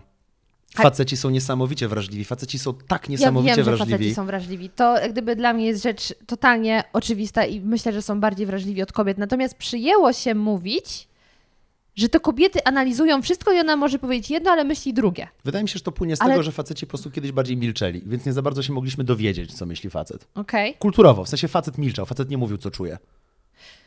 Czyli I może z tego jest to przekłamanie. możemy obalić Wydaje ten... mi się, że wszyscy rozkminiamy. Tak, tylko... od płci. No właśnie tak, tylko przyjęło się, że to kobiety widzą to drugie dno, więc To ja obwiniam kulturę. doskonale. Proszę to zanotować. Kobiety wcale tak dużo nie rozkminiają, a przynajmniej nie ponad normę. Nie, nie wiem, czy jest jakaś norma, no ale znam facetów, którzy rozkminiają także hej ho. No, Więc, już wiem. No. A i do czego zmierzam? I przez lata mnie paraliżowały te myśli. W sensie moja głowa tak działa non-stop. Teraz jak to nagrywamy, moja głowa tak działa. Ja wszystkie słyszę wersje wszystkiego. Po prostu nie umiem tego wyłączyć. Ale nauczyłem się y, robić, żeby to działało dla mnie. I nie potrzebowałem jakichś niesamowitych starań. To zajęło mi dużo czasu, ale ja po prostu zacząłem się orientować, co się stanie, jak ja znajdę odpowiedź na każde z tych pytań. I musiałem tylko na jedno pytanie odpowiedzieć. W swojej własnej głowie. Zajebiście ważne. Zajebiście ważne. Co lubisz w życiu robić, a potem po prostu trzeba było zacząć to robić. Koniec podcastu. Dziękuję. Do widzenia. O, Nie, musiałem sobie odpowiedzieć tylko jakby pogodzić się z jedną rzeczą, że to, co ja wymyślam, nie jest idealnym rozwiązaniem sytuacji. Ja przez lata, bo mam trochę zmysł perfekcjonisty, nie byłem w stanie sobie poradzić z moimi tymi neurotycznymi em, strumieniami myśli, bo miałem je i nie umiałem sobie z nimi porozmawiać, bo rozwiązanie żadnego z nich nie rozwiązywało całego problemu. A ja chciałem, żeby od razu rozwiązało cały problem. Po czym się pogodziłem z faktem, że w życiu nie ma rozwiązań całego problemu i po prostu trzeba dealować z tym, co ci akurat wy, wypluło przed tobą. I ja jak mam taki strumień myśli, ja odpowiadam na każdą z tych rzeczy. Ktoś się, I co jest bardzo ważne, nauczyłem się też odpowiadać nieważne. Ktoś się, ktoś się spóźnia, no nie? Czy ta osoba się z kimś wcześniej widziała? Nie obchodzi mnie to, bo nie mam na to wpływu. Bardzo mi tu stoicyzm pomógł i podział na to, na co ja mam wpływ, a na co nie mam. Ta osoba nie daje mi znać. Stosuję brzytwę Ockhama logiczną, czyli najprostsze rozwiązanie z reguły prawidłowym. Jeśli ktoś się do mnie nie odzywa, nie chcę się odezwać. Koniec, mam odpowiedź. A jaki jest powód? Nie przeczytam tej osobie w myślach. Nie mam pojęcia, jaki jest powód. Gdyby chciała, to by się odezwała. Ta osoba się spóźnia? Nie mam pojęcia, jaki jest powód. Jak przyjdzie, to się spytam. I ja po prostu w taki szorstki sposób odpowiadam na swoje lęki i one się zamykają mordę. Ale Jesus, jakie to jest męczące. Jest bardzo. Znaczy już nie jest, bo robię to od dawna i w tym momencie mi to się zdarza automatycznie. Ale jakby, no więc właśnie, więc jeśli ktoś jest ciekaw, jakie ja mam kompetencje, żeby zrobić ten kurs, to ten kurs ogarnął tak, że mam parę karier, w miarę udane życie prywatne i coś tam jeszcze robię i nie ześwirowałem i dobrze mi się żyje z tak działającą psychiką. Tak jakby ktoś był ciekaw, czemu, czemu zajmuję się rzeczami dotyczącymi ogarniania życia. Ogarnianie życia jest dla mnie trudne, moi drodzy. Pokaż mi kogoś, dla kogo jest łatwe. Nie wiem, bo nie mam pojęcia, co inni mają w głowie, ale obiektywnie wiem, że u mnie jest trudne. W sensie wiem, z iloma fikcyjnymi problemami ja się muszę zmagać. Wydaje mi się, że Mark Twain powiedział, ale możliwe, że wymyślam. Ale jeden z takich kanonicznych pisarzy klasycznej literatury amerykańskiej powiedział kiedyś, że jego życie jest pełne, naprawdę pełne tysięcy, tysięcy problemów, z których na szczęście większość się nie wydarzyła. I dokładnie tak samo u mnie to wygląda i po prostu nauczyłem się dzięki temu być bardziej przygotowany na co dzień. Efekt tego, jak działa moja głowa jest taki, że jestem non-stop mile zaskoczony, jak jest łatwo bo nigdy się nie realizuje pełnia mojego czarnowictwa, więc generalnie moje życie jest pasmem wrażenia, że jest łatwiej niż sądziłem. Była taka bajka. y, Król Lew, nie. Asterix i Obelix. Y, Ruby Gloom? Ruby, coś takiego. To mm, wszystkie postacie wyglądały jak z horroru, ale to była animowana, była taka bajeczka. I tam były takie siostry bliźniaczki, wydaje mi się, z czego jedna była totalnie taką e, różową istotą, druga była czarna. Tak. E, I obie widziały przyszłość. Jedna widziała tylko złe scenariusze, y, druga tylko dobre. I zgadnij, która była różowa, która była czarna. Okej, pewnie jest pytanie podchwytliwe, więc na odwrót niż bym zakładał. Ta, która widziała tylko dobre rzeczy, które się wydarzą, była y, ubrana na czarno. Mhm. Przez to, że y, była ciągle nastawiona tylko na to, co dobre nadejdzie i No, to jej nie zaskakiwało, no. więc z każdym nadejściem czegoś złego, No tak, zauważała tylko to, co jest złe. no, radość jej nie cieszyła. bo ją widziała. Ja dlatego się zawsze spodziewam, że będzie trudno. Absolutnie bez pudła zawsze się spodziewam, że będzie trudno. Przed każdą rzeczą, która ma się wydarzyć, zakładam, wyobrażam sobie, co się najgorszego może wydarzyć i godzę się psychicznie z tym, bo dzięki temu, jak się. Ile ma plusów taki pragmatyczny pesymizm? Bo ja generalnie jestem optymistą. W sensie ja naprawdę sądzę, że świat jest super. Ja mogę godzinami tokować, że będzie pokój na świecie, naprawimy ziemię, będzie doskonałe środowisko. Potwierdzam. Tak w to wierzę. Mam tyle argumentów, że wszystko będzie. Poczekaj, czy chcesz, żebyśmy poruszyli w tym temacie, yy, kurwa, przepraszam, w tym podcaście temat yy, klęski A ekologicznej? w życiu bym się nie wpychał pani redaktor w scenariusz. To powiedzmy o tym, bo to jest coś, co mnie osobiście poprawiło humor. No. I ta teoria mnie osobiście odprężyła, a biorąc pod uwagę, co się dzieje dookoła, jaka jest nagonka Tak. medialna, myślę, że wielu osobom też to się spodoba. Dawaj. Także, Andrzeju, Jak ci na imię? Andrzeju, jak to jest z tą ekologią? Czy grozi nam koniec świata ze względu na globalne ocieplenie, zanieczyszczenie i tak dalej? Tak. Dziękuję. No to już wiecie. Nie, ja wiem, do której rozmowy pijesz. A tak, jak najbardziej nam to grozi. Nie mam zamiaru w ogóle udawać, że jest jakoś fajnie. Ja lubię kontrast, lubię operować ekstremami. Drugie pytanie, czy tak będzie? No właśnie i teraz się zaczyna fajne. Ha! Jesteśmy w niesamowicie formatywnym, strasznie ciężkim momencie czasów, które sami żeśmy zepsuli. Znaczy może niekoniecznie my, tylko w sumie pokolenie naszych dziadków. No ale jakby wiadomo, że milenialsi są winni wszystkiemu, więc oczywiście, że to ja zepsułem fakt, że Polska jest w całości uzależniona od paliwa węglowego. Do czego zmierzam? Pij, póki Człowiecze- mamy jeszcze wodę. Właśnie, dziękuję. E, Kończy się woda, podnoszą się temperatury, zaczynają być dużym problemem e, odporne na antybiotyki, szczepy różnych chorób i tak dalej. Modliszka pojawiła się w Warszawie. Mamy modliszki w Warszawie. Tak, nie wiedziałem o tym, ale faktycznie moja paranoja będzie się teraz miała doskonale. Nie będę wsłuchał żadnego krzaka, nigdy już szedł. Jest źle. Jest ze wszech miar fundamentalnie źle. Do czego zmierzam? Zawsze jest. I to jest właśnie taka rzecz, o której my regularnie zapominamy. Uwielbiamy, mamy takie zakochanie, znaczy Ameryka, Amerykanie większe, ale my również mamy w Europie zakochanie w takich złotych czasach Stanów Zjednoczonych, lata 50. Powiedzmy, że wszyscy mieli te ładne Cadillaki, takie czasy jak serial Mad Men, no nie? Wszyscy są, jeśli byli biali, i wykształceni, to się świetnie żyło, ale powiedzmy, że my pamiętamy tylko białych i bogatych z tamtego okresu i było ekstra. Nikt nie pamięta dzisiaj już tego, że ludzie, dzieci miały wtedy normalnie drille i się musiały chować do piwnic, bo było codzienne zagrożenie wojną nuklearną z ruskimi. Tak, i teraz ja na chwilę wchodzę, bo... Cała na biało. Cała na biało, bo ja obejrzałam cały serial Mad Men. On mi trochę odebrał życia w ostatnim czasie, więc jeśli było mnie mniej na Instagramie, prawdopodobnie oglądałam Mad Mena. Seriale. I chcę powiedzieć, że to jest doskonały serial, bo To z prawda. jednej strony on opowiada o kampaniach marketingowych, które o, kocham, ale z drugiej jeszcze są piękne kobiety. Mm, cudownie. I mężczyźni. Jest naprawdę ładne widowisko, że tak powiem, ale tam zobaczyłam to, o czym ty teraz opowiadasz, że jak my sobie wyobrażamy właśnie Stany Zjednoczone, te, tą sielankę, gówno! Tam są y, pokazane sytuacje, co się działo, kiedy było realne zagrożenie, że Rosja będzie miała atak bombowy na Stany Tak. Zjednoczone.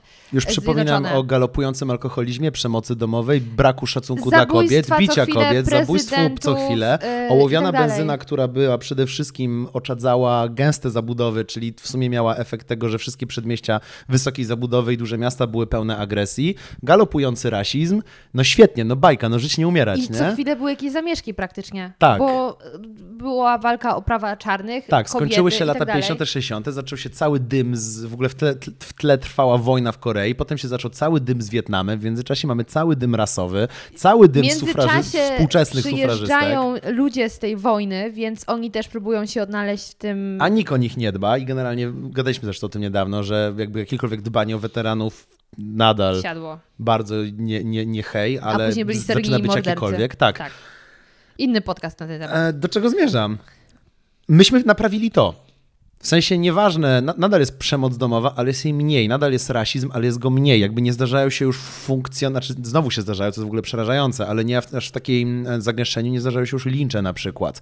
Wypleniliśmy ołów z benzyny, wobec czego, a jest dużo badań i dowodów, że są ściśle związane z agresją u ludzi, którzy wdychali ten ołów w benzynie. Dlatego jest benzyna między innymi a bezołowiowa, w sensie są jakby były skutki psychologiczne benzyny ołowiowej. Już pomija środowiskowo-przyrodnicze. Mamy, ojku, masa statystyk idzie do góry. Mamy mniej niż kiedykolwiek ludzi na świecie żyjących poniżej takiego bezpośredniego e, progu ubóstwa. Jakby jest łatwiej edukacja niż kiedykolwiek. Naprawdę miliard rzeczy, mamy prawie wyeliminowane polio. Mamy niesamowicie dużo wskaźników, które idą do góry. Myśmy podnoszenie tych wskaźników, będąc debilami, którym jest ludzkość, przypłacili tym, że zepsuliśmy 10 innych wskaźników. I teraz jesteśmy na etapie naprawiania tych 10 wskaźników. Jestem pewien w 100%, że jak naprawimy te 10 wskaźników, zrobimy to kosztem jeszcze innych 10 wskaźników. Człowiek nie jest w stanie działać idealnie. Pytanie, żeby się upogodził z faktem, że żyje, żyjemy zawsze w stanie starania się o coś kolejnego i po prostu nigdy nie będzie lepiej. Aktualnie zmagamy się z globalnym mm, ociepleniem. Swoją drogą miałem taką rozkminę, że jest to jedna z najfajniejszych rzeczy, z jakimi może się zmagać ludzkość, bo jest to jedno... Serio. Ale teraz ryzykowne. Tak, bo jest Jak to wyzwanie, które łączy politycznie kraje. Okej. Jak dawno nie było wyzwania na arenie międzynarodowej, które ma jakąkolwiek potencjał tego, żeby połączyć politycznie kraje. Nadal z tych paryskich e, akordów wyrywają się jakiś, jacyś tam pojedynczy, pojedynczy agenci, ale ogromne kraje, których byśmy nigdy nie podejrzewali o, o to, że się tym zajmą, na przykład Chiny. Chiny się nagle strasznie zajęły byciem eko. Okej, jakby możemy nadal zajmować, mieć du, dużo problemu z ich polityką i tak dalej, ale coś się zmienia. Jesteśmy, ludzkość to jest historia wiecznego hamowania i przyspieszania, hamowania i przyspieszania, hamowania i przyspieszania. Robimy krok do tyłu, jak, nie wiem, wybuchła druga wojna światowa, zrobiliśmy 6 kroków w tył, ale potem w latach 60 zrobiliśmy 10 kroków do przodu, potem w 70 4 kroki w tył. Jesteśmy takim przedziwnym, tańczącym, najbardziej durną czaczę na świecie gatunkiem w historii, który zawsze będzie miał nowo, nowy fuck up do załatwienia. Ale wyobrażanie sobie, każde pokolenie w historii było przekonane, że jesteśmy ostatnim. Więc wyobrażanie sobie dzisiaj, że jesteśmy ostatnim, jest w mojej opinii niesamowicie zadufane w sobie. W sensie, guys, naprawdę było gorzej. Naprawdę kraje miały nieskończone limity broni atomowej wycelowanej w siebie i prowokowało ich wszystko. Ale też fajna jest ta rzecz, którą mówiłeś. Kryzys, sorry, kryzys kubański, o którym się prawie w ogóle już dzisiaj nie gada, bo wszyscy lubią t-shirty z Che Guevarą i z Fidelem Castro i trochę zapomnieliśmy, na czym polegał kryzys kubański. Kryzys kubański polegał między innymi na tym, że realnie stały czołgi e, zachodnie, powiedzmy szeroko rozumiane, metr od czołgów ruskich i cofały się o siebie od centymetr. Mam ciary, jak to mówię. Doszło do takiego momentu, że na granicy berlińskiej stały naprzeciwko siebie armie w trakcie kryzysu kubańskiego i mogła wybuchnąć trzecia wojna światowa dosłownie o nic. Gdyby któryś z tych żołnierzy wystrzelił w powietrze albo splunął, dosłownie jednoosobowo mógłby rozpętać domino trzeciej wojny światowej, która by się nie Jezu, ale zatrzymała takich nigdy. było dużo, jak ten okręt chyba radziecki dziś wpłynął, czy coś takiego. Yy, Jest taka słynna historia Czerwonego Października, czyli okrętu, który mógłby wywołać wojnę o tym wybuchem mówię, nuklearnym. chyba. No. No. E, Natomiast chciałam powiedzieć, że też fajną rzeczą jest to, co powiedziałeś, że ludzkość nigdy nie działa zapobiegawczo. Że my, jak jest źle, w ostatnim momencie gasimy pożar. Mhm. I że tak samo jest teraz z tą ekologią, że my zaczęliśmy się dopiero teraz przejmować Tak. część społeczeństwa, natomiast te działania już są podejmowane, ale i tak największa panika będzie u takich, powiedzmy, najniższych warstw pod kątem zaangażowania świadomości społecznej. Tak ta panika dopiero przyjdzie. Tak, I najpra- wtedy już ja mam taką roboczą teorię, możecie mnie z niej rozliczać, ale mam taką roboczą teorię, że za x lat, kiedy już prawie będzie ogarnięty problem, e, aktualne wcielenie problemu ekologicznego, bo będziemy mieli jeszcze miliard innych wcieleń problemu ekologicznego, ale na razie stricte chodzi o temperatury i, i gazy. Jak ogarniemy większość tego problemu, albo wdrożymy miliard zabezpieczeń, żeby ten problem jakkolwiek ogarnąć, to największa grupa ludzi dopiero się uruchomi, że jest problem. Zawsze to tak wygląda. A już się dzieło bardzo, bardzo duże, e, bardzo duże tematy, bardzo, bardzo dużo e, kapitałów różnych międzynarodowych w tym momencie już podejmuje, podejmuje decyzję, żeby inwestować tylko w odnawialną em, energię elektryczną i tak dalej. A to, co mnie najbardziej przeraża w ludzkości, to jest to, że my się poddajemy, kiedy zaczyna się udawać. I to jest taka rzecz, która mnie denerwuje. W sensie masa ludzi, akurat w kontekście tematu eko, masa ludzi włożyła nielimitowany wysiłek w ciągu ostatnich 10 lat, żeby o tym gadać, a w momencie, kiedy zaczyna się cokolwiek toczyć, oni się poddają. I każdy tak robi. Jesteśmy ludźmi, ja tak samo robię, ale to można ogarnąć. Plastikowe reklamówki. Tak, to możemy ogarnąć. Właściwie to możemy ogarnąć jako człowieczeństwo. Ja pierwszy raz to przeżyłem, jak wybuchła wojna w Syrii. Jest taki pisarz mm, e, brytyjski, którego bardzo lubię, nazywa się Neil Gaiman, którego niesamowicie kocham w zasadzie już od lat. I Neil Gaiman transmitował mega, mega mocno na swoich social mediach wojnę w Syrii na jakieś 3 do 5 lat, zanim ktokolwiek o niej usłyszał.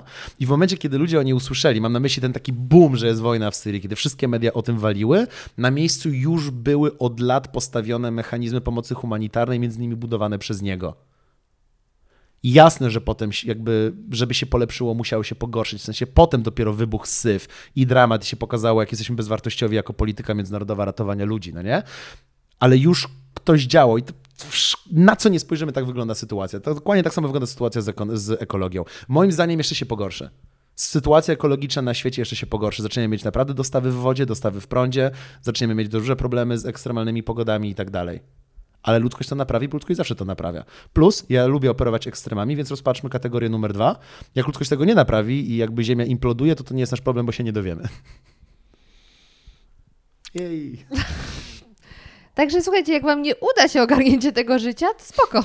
Nie, ale serio, to jest samo spełniająca się przepowiednia. Im więcej ludzi będzie Tak. wierzyć, że się uda uratować Ziemię, tym bardziej uratujemy Ziemię. Im więcej ludzi będzie sądziło, że się nie da uratować Ziemi, nie uratujemy Ziemi. To jest największe błogosławieństwo i największa klęska demokracji.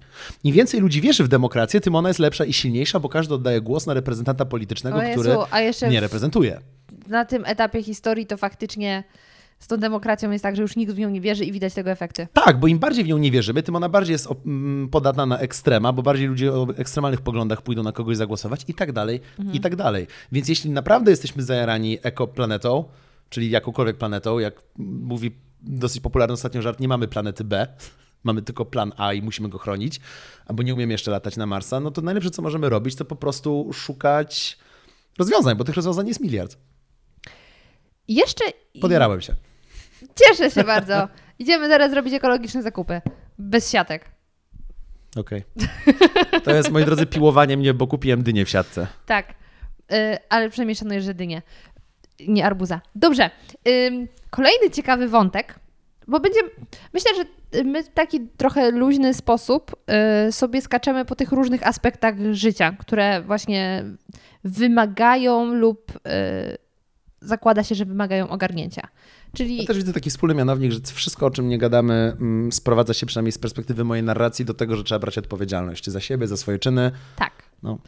Y, natomiast teraz bym przeszła do relacji międzyludzkich. Damn. Bo i tutaj mieliśmy bardzo ciekawą e, rozkminę dotyczącą tego, jak popkultura amerykańska zmienia y, nasze podejście do właśnie relacji. Proszę. Mogę zacząć monolog? Absolutnie, Dzięki. bo nie pamiętam od czego zacząć. Ja też w sumie nie pamiętam od czego zacząć, ale mam taką prywatną teorię. Ja jestem generalnie człowiekiem, który się wychował na amerykańskiej kulturze. Jesteś Wychowałem... y, w ogóle mm, taką teorią spiskową jedną wielką. Tak, No, już któryś raz mówisz, mam faktycznie. swoją teorię. Bo ja generalnie mam na wszystko teorię, słuchajcie. I to jest problem z tym, że one, ja generalnie bardzo szybko sobie wyobrażam jakieś rozwiązanie, czego, na przykład, nie wiem, jak się źle czuję, ja sobie natychmiast wyobrażam dlaczego. I ja potem nie do końca weryfikuję to, czy naprawdę jestem z tego powodu chory, tylko ja będę w oparciu o moje wyobrażenie coś robił. Jak ktoś mi na przykład coś mówi pod tytułem, wiesz co, nie wiem, auto mi dziwnie skręca, ja natychmiast sobie wyobrażam w oparciu o nic moją roboczą teorię, dlaczego tak jest. I dopóki nie dostanę innych dowodów, będę w nią święcie wierzył. Ja uwielbiam mieć swoje robocze teorie. I ja generalnie jestem człowiekiem, który się wychował na amerykańskiej kulturze. Całe życie marzyłem o tym, żeby mieszkać w Stanach, po czym tam pojechałem i mi się odechciało.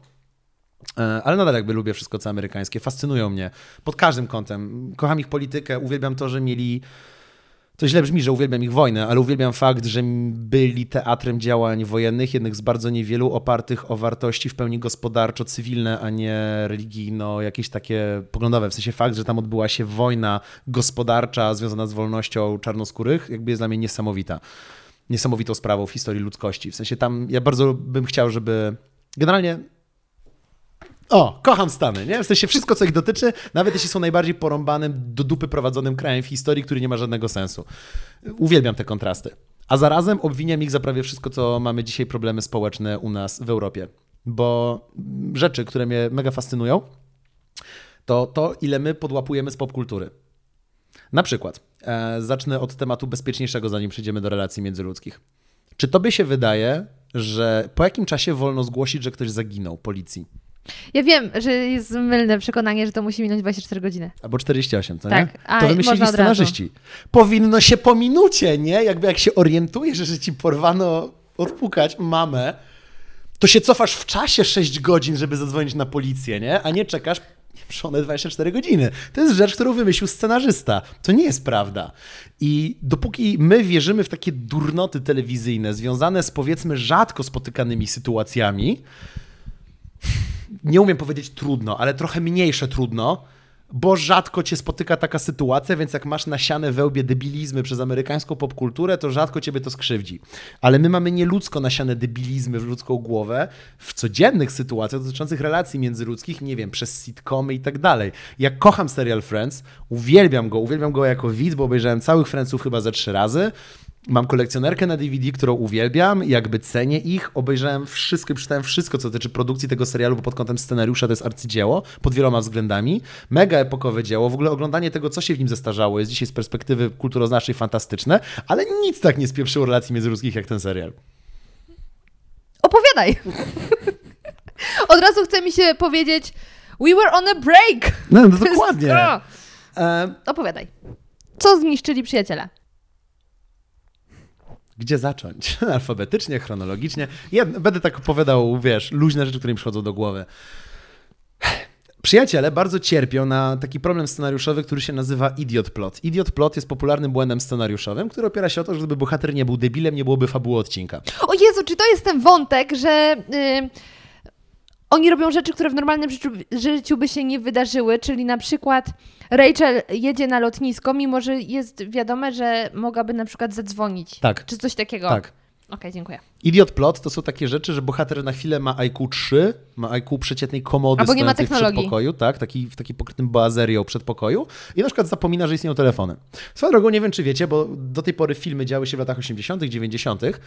i było fajnie, bo nie było komórek. Komórki generalnie psują 10% filmów na świecie, bo jest Absolutnie. natychmiastowa komunikacja. Zobaczcie, jak w wielu filmach jest zepsuta sieć, przeciążona sieć, rozładował mi się telefon. Scenarzyści ratują się jak mogą, by nie brać pod uwagę komórek. Przecież ostatni raz przeciążona sieć była w Sylwestra w jakimś 2002 roku. No tak, ale w filmach Od jest tego w co czasu, drugim. Tak, ale tego już się nie zdarza, Ale bo wiesz, kiedyś ciężko była. napisać scenę, w której bohaterowie mogą po prostu coś przegadać? No właśnie do tego zmierzam. Idiot plot. Bohater nie dzwoni, bo nagle zapomniał, że istnieją telefony. Bohater jedzie na lotnisko zamiast się w ogóle dowiedzieć. Bohater nie umie przeczytać, z której bramki odlatuje samolot, bo zapomina, jak się czyta informacje na lotniskach. Jeden bohater nie powie drugiemu, że zmienia się godzina spotkania bez żadnego wyraźnego powodu. To jest jeden gatunek idiot plotów i one są we Francach nagminne. Drugi gatunek idiot plotów E, bohater wchodzi do pokoju, w którym dzieje się dwuznaczna scena. Na przykład jedna kobieta wchodzi do pokoju, to nie tylko Frenci, to jest masa seriali. Kobieta wchodzi do pokoju i w tym pokoju stoi blisko siebie jej na przykład mąż z inną kobietą i ta kobieta go dotyka w policzek. Oczywiście natychmiast będzie z tego przynajmniej połowa sezonu gigantycznej dramy, a wystarczy, żeby ten facet zareagował tak, jakby zareagował 10% ludzi w zwykłym życiu. O, cześć kochanie, fajnie cię widzieć, bo nie wiem, y, Asia mi akurat zdejmowała y, ryż z twarzy, nie? I jakby absolutnie nie ma napięcia. Ale w serialu on się spojrzy na żonę, żona się spojrzy na niego. Oboje spojrzą I na od tą razu kobietę. musi paść ha- y, hasło. Ale to nie jest tak, jak myślisz. To nie jest tak, jak I myślisz, ale nikt wiadomo, powie, że- jak jest. Nikt się nie odezwie, jak Yep. jest. I to się nazywa idiot ploty. I one są nagminne, żeby popchnąć mało ambitne seriale do przodu. Ludzie zaczęli się tak zachowywać w życiu. Tak. Ludzie zaczęli podłapywać idiot ploty w zachowywaniu się w relacjach międzyludzkich. Na przykład mamy sobie, kurde, w ogóle jest tak niespotykane w wielu kulturach europejskich, że musimy od siebie odpocząć. To nie są słowa, które się mówi klasycznie w wielu kulturach europejskich, a my je wszyscy mówimy, bośmy wszyscy łyknęli pieprzone seriale. Są ludzie o takim charakterze, że potrzebują trochę czasu, by pogodzić się ze swoimi myślami lub je zrozumieć. Są związki, które zbudują między sobą relację tego, że kiedy zaczyna się problem, dajmy sobie godzinę, zanim o nim porozmawiamy. Ale jeśli chcemy mieć w związku taką decyzję, to na przykład pogadajmy o tym i powiedzmy oboje argumenty za i przeciw, czemu to jest dla nas ważne emocjonalnie. Tak to się robi. A jesteśmy nagminnie gwałceni dzisiaj tym, że mamy sobie ludzi, dzieje się jakiś problem i tak i ja powinniśmy od siebie odpocząć. I zaczyna się cztery dni tego, że nic się nie dzieje, bo jakby większość z tych ludzi ma wniosek po godzinie. Ale daliśmy sobie te cztery dni, mija czas, my się coraz bardziej nie lubimy. W momencie, jak się wychładza relacja, konflikt najprawdopodobniej zwiększy się na skali, bo wychłodziła się relacja. Nie... Jezu, to jest po prostu wada na wadzie, nie? A mówię na razie tylko i wyłącznie o sytuacjach relacyjno-randkowych. To, jak seriale amerykańskie schrzaniły przyjaźnie, to ludzkie pojęcie przechodzi. Bo wszystkie przyjaźnie, jakie znam, grupy szczególnie przyjacielskie, zamieniły się w takie cyniczne gówno bagna, jak z Friendsów albo z How I Met Your Mother. Że ludzie sobie tak spędzają czas i kiedy ktoś zaczyna mówić o swojej pracy, to reszta odgrywa scenę z Friendsów, Czyli zaczyna natychmiast udawać, że śpi, bo zawsze, kiedy Ross mówił o swojej pracy, zaczynał, że wszyscy udawali, że śpią. Ja to widziałem na żywo. I to jest po prostu moment, w którym w mojej głowie robi się taki reset. Mam taki niebieski ekran błędu Windowsa. Czemu powielamy głupoty, które są krzywdzące i nikomu nie pomagają? Bo są łatwe. Bo trochę wracamy do początku naszej rozmowy, że ludzie nie wiedzą, jak się dzisiaj zachowywać. Standardy zostały zawalone, nie mamy autorytetów, nie zachowujemy się jak nasi rodzice, nie mamy kultury narodowej, mamy tylko ten taki dziwny amalgamat, taki serek homogenizowany kultury światowej, którą młodzi ludzie łykają na maksa, w której łatwo się pogubić, bo ona w większości jest sztuczna. Nie dziwię się, że mamy migrenę, w jaki sposób żyć. I niestety popkultura nie pomaga. Ale jeszcze jeden taki zarzut wielki dla e, seriali, filmów. Mhm. Kurde, to są kłótnie. Przecież kłótnie polegające na tym, że jedna osoba em, się kłóci, podchodzi do tamtej, to tamta coś powie, za chwilę się odwraca i odchodzi, czyli moda na tak, sukces. generalnie w ogóle jeszcze tak, takie teatralne przeżywanie kłótni, żeby coś się działo na Tak. ekranie, no. Albo drugi rodzaj kłótni, nie pogadamy. Mhm. Nie ma o na czym rozmawiać. wściekli, nie będziemy o tym rozmawiać. Przecież w prawdziwym życiu to się nie dzieje. Ludzie naprawdę będą na siebie się drzeć, No. Ale przejdą do tematu. A, inny problem jest taki, że seriale też nauczyły ludzi, że okazywanie nadmiernych emocji jest złe, bo zawsze, kiedy jedna osoba wydrze mordę, to druga zaczyna płakać, jest pokazane, że wydarcie mordy tak, jest funkcjonalnie złe. Moi drodzy, jeśli macie zaufanie w związku, to wydarcie na siebie z całej siły japy przez obie strony jest strasznie fajne, bo spompuje emocje w dwie sekundy i potem można funkcjonalnie pogadać. Tylko trzeba pamiętać, żeby nie powiedzieć zbyt brzydkich rzeczy, a potem ładnie przeprosić, nie? Ale jakby to pełni jakąś funkcję emocjonalną. Seriale nas uczą, że nie. W ogóle, Boże, ale temat zaczęłaś. Kłótnie w serialach to jest dla mnie zupełna abstrakcja. Ja dlatego kocham seriale Aarona Sorkina. Aaron Sorkin to jest mój ulubiony scenarzysta, właśnie oglądam po raz trzeci cały West Wing. Nie powinienem tego robić, bo nie powinienem tego mówić na głos, skoro gadam o tym, że mam za tydzień premierę kursu. tak, oglądam właśnie nie masz za tydzień. Masz A, dziś. sorry, z perspektywy tak, nagrania mam za A. tydzień, a z perspektywy emisji mam Także dzisiaj. e, rozliczymy cię, czy dobrze że oglądałeś, czy Czy jednak nie? nie. Ogląd- ja kocham seriale Aarona Sorkina, kocham jego filmy. Studio 60 widziałem z trzy razy, oglądam trzeci raz West Wing, Newsroom pierwszy sezon, nie wiem ile razy widziałem. Wszystko od niego kocham. W sensie jest geniuszem dla mnie. I u niego kłótnie są cudne. W sensie u niego kłóci się trójka ludzi, którzy mają swój rozum. Nie muszą być mądrzy w takim rozumieniu inteligencji, ale mają swój rozum, rozumieją swoje emocje i wiedzą za czym stoją. I u Sorkina nie mamy kłótni pod tytułem jest bohater, który dla popchnięcia fabuły musi być oskarżony, jest debilem i nie umie się wybronić. Tylko u Sorkina mamy bohaterów, którzy kłócą się wierząc w coś. I kocham właśnie za to te jego seriale, że mamy dwie osoby, które są przyjaciółmi i potrafią się przez cały odcinek kłócić o to, że się nie zgadzają, czy subsydia powinny być dla nauczycieli, czy nie. Bo można się przyjaźnić i można, Jezus, na, aż mam ciary, najlepsze hardkorowe dyskusje ma się z ludźmi, którym ufasz. Bo wiesz, że naprawdę możesz się wczuć w swoje argumenty i ta osoba cię nie zwyzywa. A większość seriali pokazuje, że nie. Żyjemy w takim, takiej epoce seriali, które nas pokazują, że że nie wolno mocno pokazać czegoś, co się sądzi, nie można mieć silnej relacji. My powielamy to, co widzimy. Jest bardzo trudno stworzyć sobie własną wizję. Jestem mega rozgoryczony, że powielamy akurat to, co nie działa. I ja w momencie, kiedy my mm, stoczyliśmy taką dyskusję na temat właśnie kłótni w serialach, jeszcze bardziej krytycznie zaczęłam patrzeć na seriale, bo mnie zawsze denerwowało, że dochodzi do jakiejś sytuacji, która jest absolutnie bez sensu i w prawdziwym życiu by się nie wydarzyła, ale ona musi się wydarzyć, żeby był y, konflikt, dajmy na to w Żeby serialu.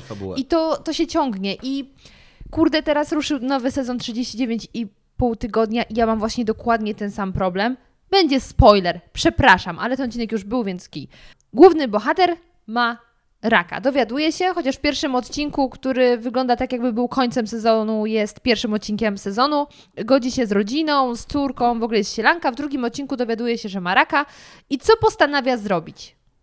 Nie powie tego żonie, bo przecież to by było zbyt logiczne, tylko on dochodzi do wniosku, że będzie, mm, chce im oszczędzić cierpienia, więc z, skłóci wszystkich ze sobą i zniknie, żeby oni się o niego nie martwili, bo są na niego źli. Kto normalny wpadnie na pomysł, że e, jeśli skłócimy się z kimś, a później umrzemy, to tej osobie będzie lepiej? To by przeszło, jeśli pokazano by wcześniej, że on nie może mówić, co sądzi w rodzinie, bo go krytykują. Na przykład. No ale Gdyby zbudowano wcześniej, że jest wstydliwym człowiekiem i bardzo, bardzo łatwo się zamyka w sobie, i gdyby pokazano, że jest z natury złośliwym kutafonem, który w sytuacji zagrożenia atakuje agresją, gdyby zbudowano niesamowity, niesamowicie dojrzałymi scenami te trzy cechy bohatera, znieślibyśmy jako widz dosyć debilny premis tego sezonu, czyli będę zniechęcał wszystkich, bo jestem tragiczny. wiesz co, Sądzę, on, że tego nie zrobiono. on teoretycznie mówi nawet, że po prostu w takiej sytuacji musi być typowym tym Mm. Jankowskim, on jest chyba czy jakoś tam. I dlatego tak robi. Ale mnie osobiście jako y, Lawicki, która oglądała ten serial 10 lat temu, wyjście z takiej sytuacji, która i tak wiadomo jak się skończy, że oni się pogodzą albo w tym sezonie, albo w kolejnym, jest bez sensu i to już jest takie gonienie króliczka, kiedy my i tak wiemy jak coś się wydarzy. Dlatego właśnie też mając w pamięci naszą rozmowę, kiedy obejrzałam Madmena, byłam w szoku, jak tam wyglądają ym, konflikty, że ludzie gadają i nie ma takiego, okej, to nie zostało dopowiedziane, więc ta osoba znika. Tak jak się dzieje w większości e, seriali, że coś się wydarzyło, to ta osoba nie powie, to było zbyt ba- banalne i wokół Mhm. tego kręci się wątek. Nie, oni rozmawiają. To jest takie wow, można. To jest trudne. To jest trudne No. zrobić taki dobry scenariusz, no ale tym się nas karmi. To prawda. Mam bardzo dużą wiarę w ogóle w seriale, tak jak mam. Ja we wszystko na świecie mam brak wiary i wiarę, bo we wszystkim są takie pływy. E, Seriale przeżywają złoty okres. Seriale przeżywają złoty okres i coraz lepsi ludzie do nich siadają, bo jest coraz większy prestiż. Nawet nie chodzi o kasę. Ludzie nie lubili robić telewizji kiedyś, bo jak robiłaś telewizję, to się z ciebie śmiano. I po prostu byłaś trochę, jeśli jesteś aktorem telewizyjnym, no to, to tak brzmi, nie? A jak dzisiaj jesteś aktorem serialowym, to to nagle brzmi dumnie. W sensie sądzę, że nikt z ekipy Gry o Tron nie ma żadnego problemu, że się mówi, że to jest aktor serialowy, bo to brzmi Stranger dokładnie... Things i tak dalej. Dokładnie tak. Jakby te wielkie seriale, ci ludzie nie mają problemu z tym, że aktor kinowy, aktor serialowy, to się już dzisiaj wyrównało, więc seriale są coraz lepsze. Ja mam po prostu gigantyczną nadzieję, że będą też troszeczkę bardziej życiowe, question mark. Wydaje mi się, że mogę w to wierzyć. Właśnie Stranger Things fajnie, że poruszyłaś, bo Stranger Things jest pod tym kątem mega. W sensie, kocham to, że Stranger Things poświęcił, nie widziałem trzeciego sezonu jakby co, drugi mi się średnio podobał, jakby dla mnie jedynka jest taka ikoniczna. Kocham strasznie to, że w Stranger Things pokazano relację trójki dzieci, która jest taka szczera i jakby ich konflikty są takie dziecięce i takie prawdziwe. W sensie oni się pokłócili, bo dwie osoby chciały się przebrać w tę samą postać na Halloween. Uwielbiam to, to chyba było w drugim sezonie, jak Dustin zaczął się kumplować ze Steve'em i pokazanie tego, w jaki sposób Steve z buca stał się fajnym chłopakiem i zaczął wręcz wychowywać jednego z tych malutkich ziomeczków, żeby zostać jakby kumplem, mi aż serce rosło, że to jest pokazywane publicznie, bo w ogóle, no mówię, ja jako facet zwracam jeszcze uwagę na jedną rzecz, która jest um, mega często olewana, mianowicie męskie przyjaźnie są mega krzywdząco pokazywane w serialach, a relacja ojca z synem jest nigdy dobrze pokazywana. Jest taka komedia romantyczna, Czas na miłość, About Time. I to jest jedyny film, o którym mogę O powiedzieć. Jezu, to jest ten, co on może się przenosić w czasie. Tak, jak się O schowa w szafie. Jezu, to jest tak piękny film. Tak. I tam to jest jedyny film, o którym teraz potrafię powiedzieć z głowy, że jest Tam dobrze jest pokazana relacja, relacja. ojca z synem. Mhm. Tak, mówię to jako facet, wygląda relacja ojca z synem. Nigdy nie gadacie o niczym ważnym, ale gadając o pierdołach patrzycie na siebie i obaj wiecie, że to jest wasz ekwiwalent ważnej rozmowy, ale czemu ja jako, no, czemu ja muszę czekać całe życie i dopiero mając 20 parę lat zobaczyłem film, w którym zobaczyłem dobry wzorzec relacji ojca z synem? Mm. Czemu? Dzięki Bogu mam dojrzałych rodziców, którzy mi dużo. W ogóle moi rodzice są psychologami, więc jakby mega miałem z jednej strony śmiesznie, powiem wam, a z drugiej strony miałem niesamowicie cudownie z tym, jak oni mnie traktowali, jak mnie wychowali. Ale mówię, gdybym ja nie miał tego niesamowitego szczęścia i jak patrzę, na jakich ja się gównach wychowywałem, i gdybym nie miał dobrego wzorca rodziny wyniesionego z domu, to ja bym go pewnie brał z tego syfu. Bo ja pierwszy raz zobaczyłem dobry kontakt ojca z synem dopiero w późnym w życiu. Nie wiem, ile miałem lat, jak wyszedł, wyszło czas na miłość, 20 parę. A w ogóle ojca z syna z mamą, to nie wiem, czy kiedykolwiek widziałem dobry przykład. To prawda.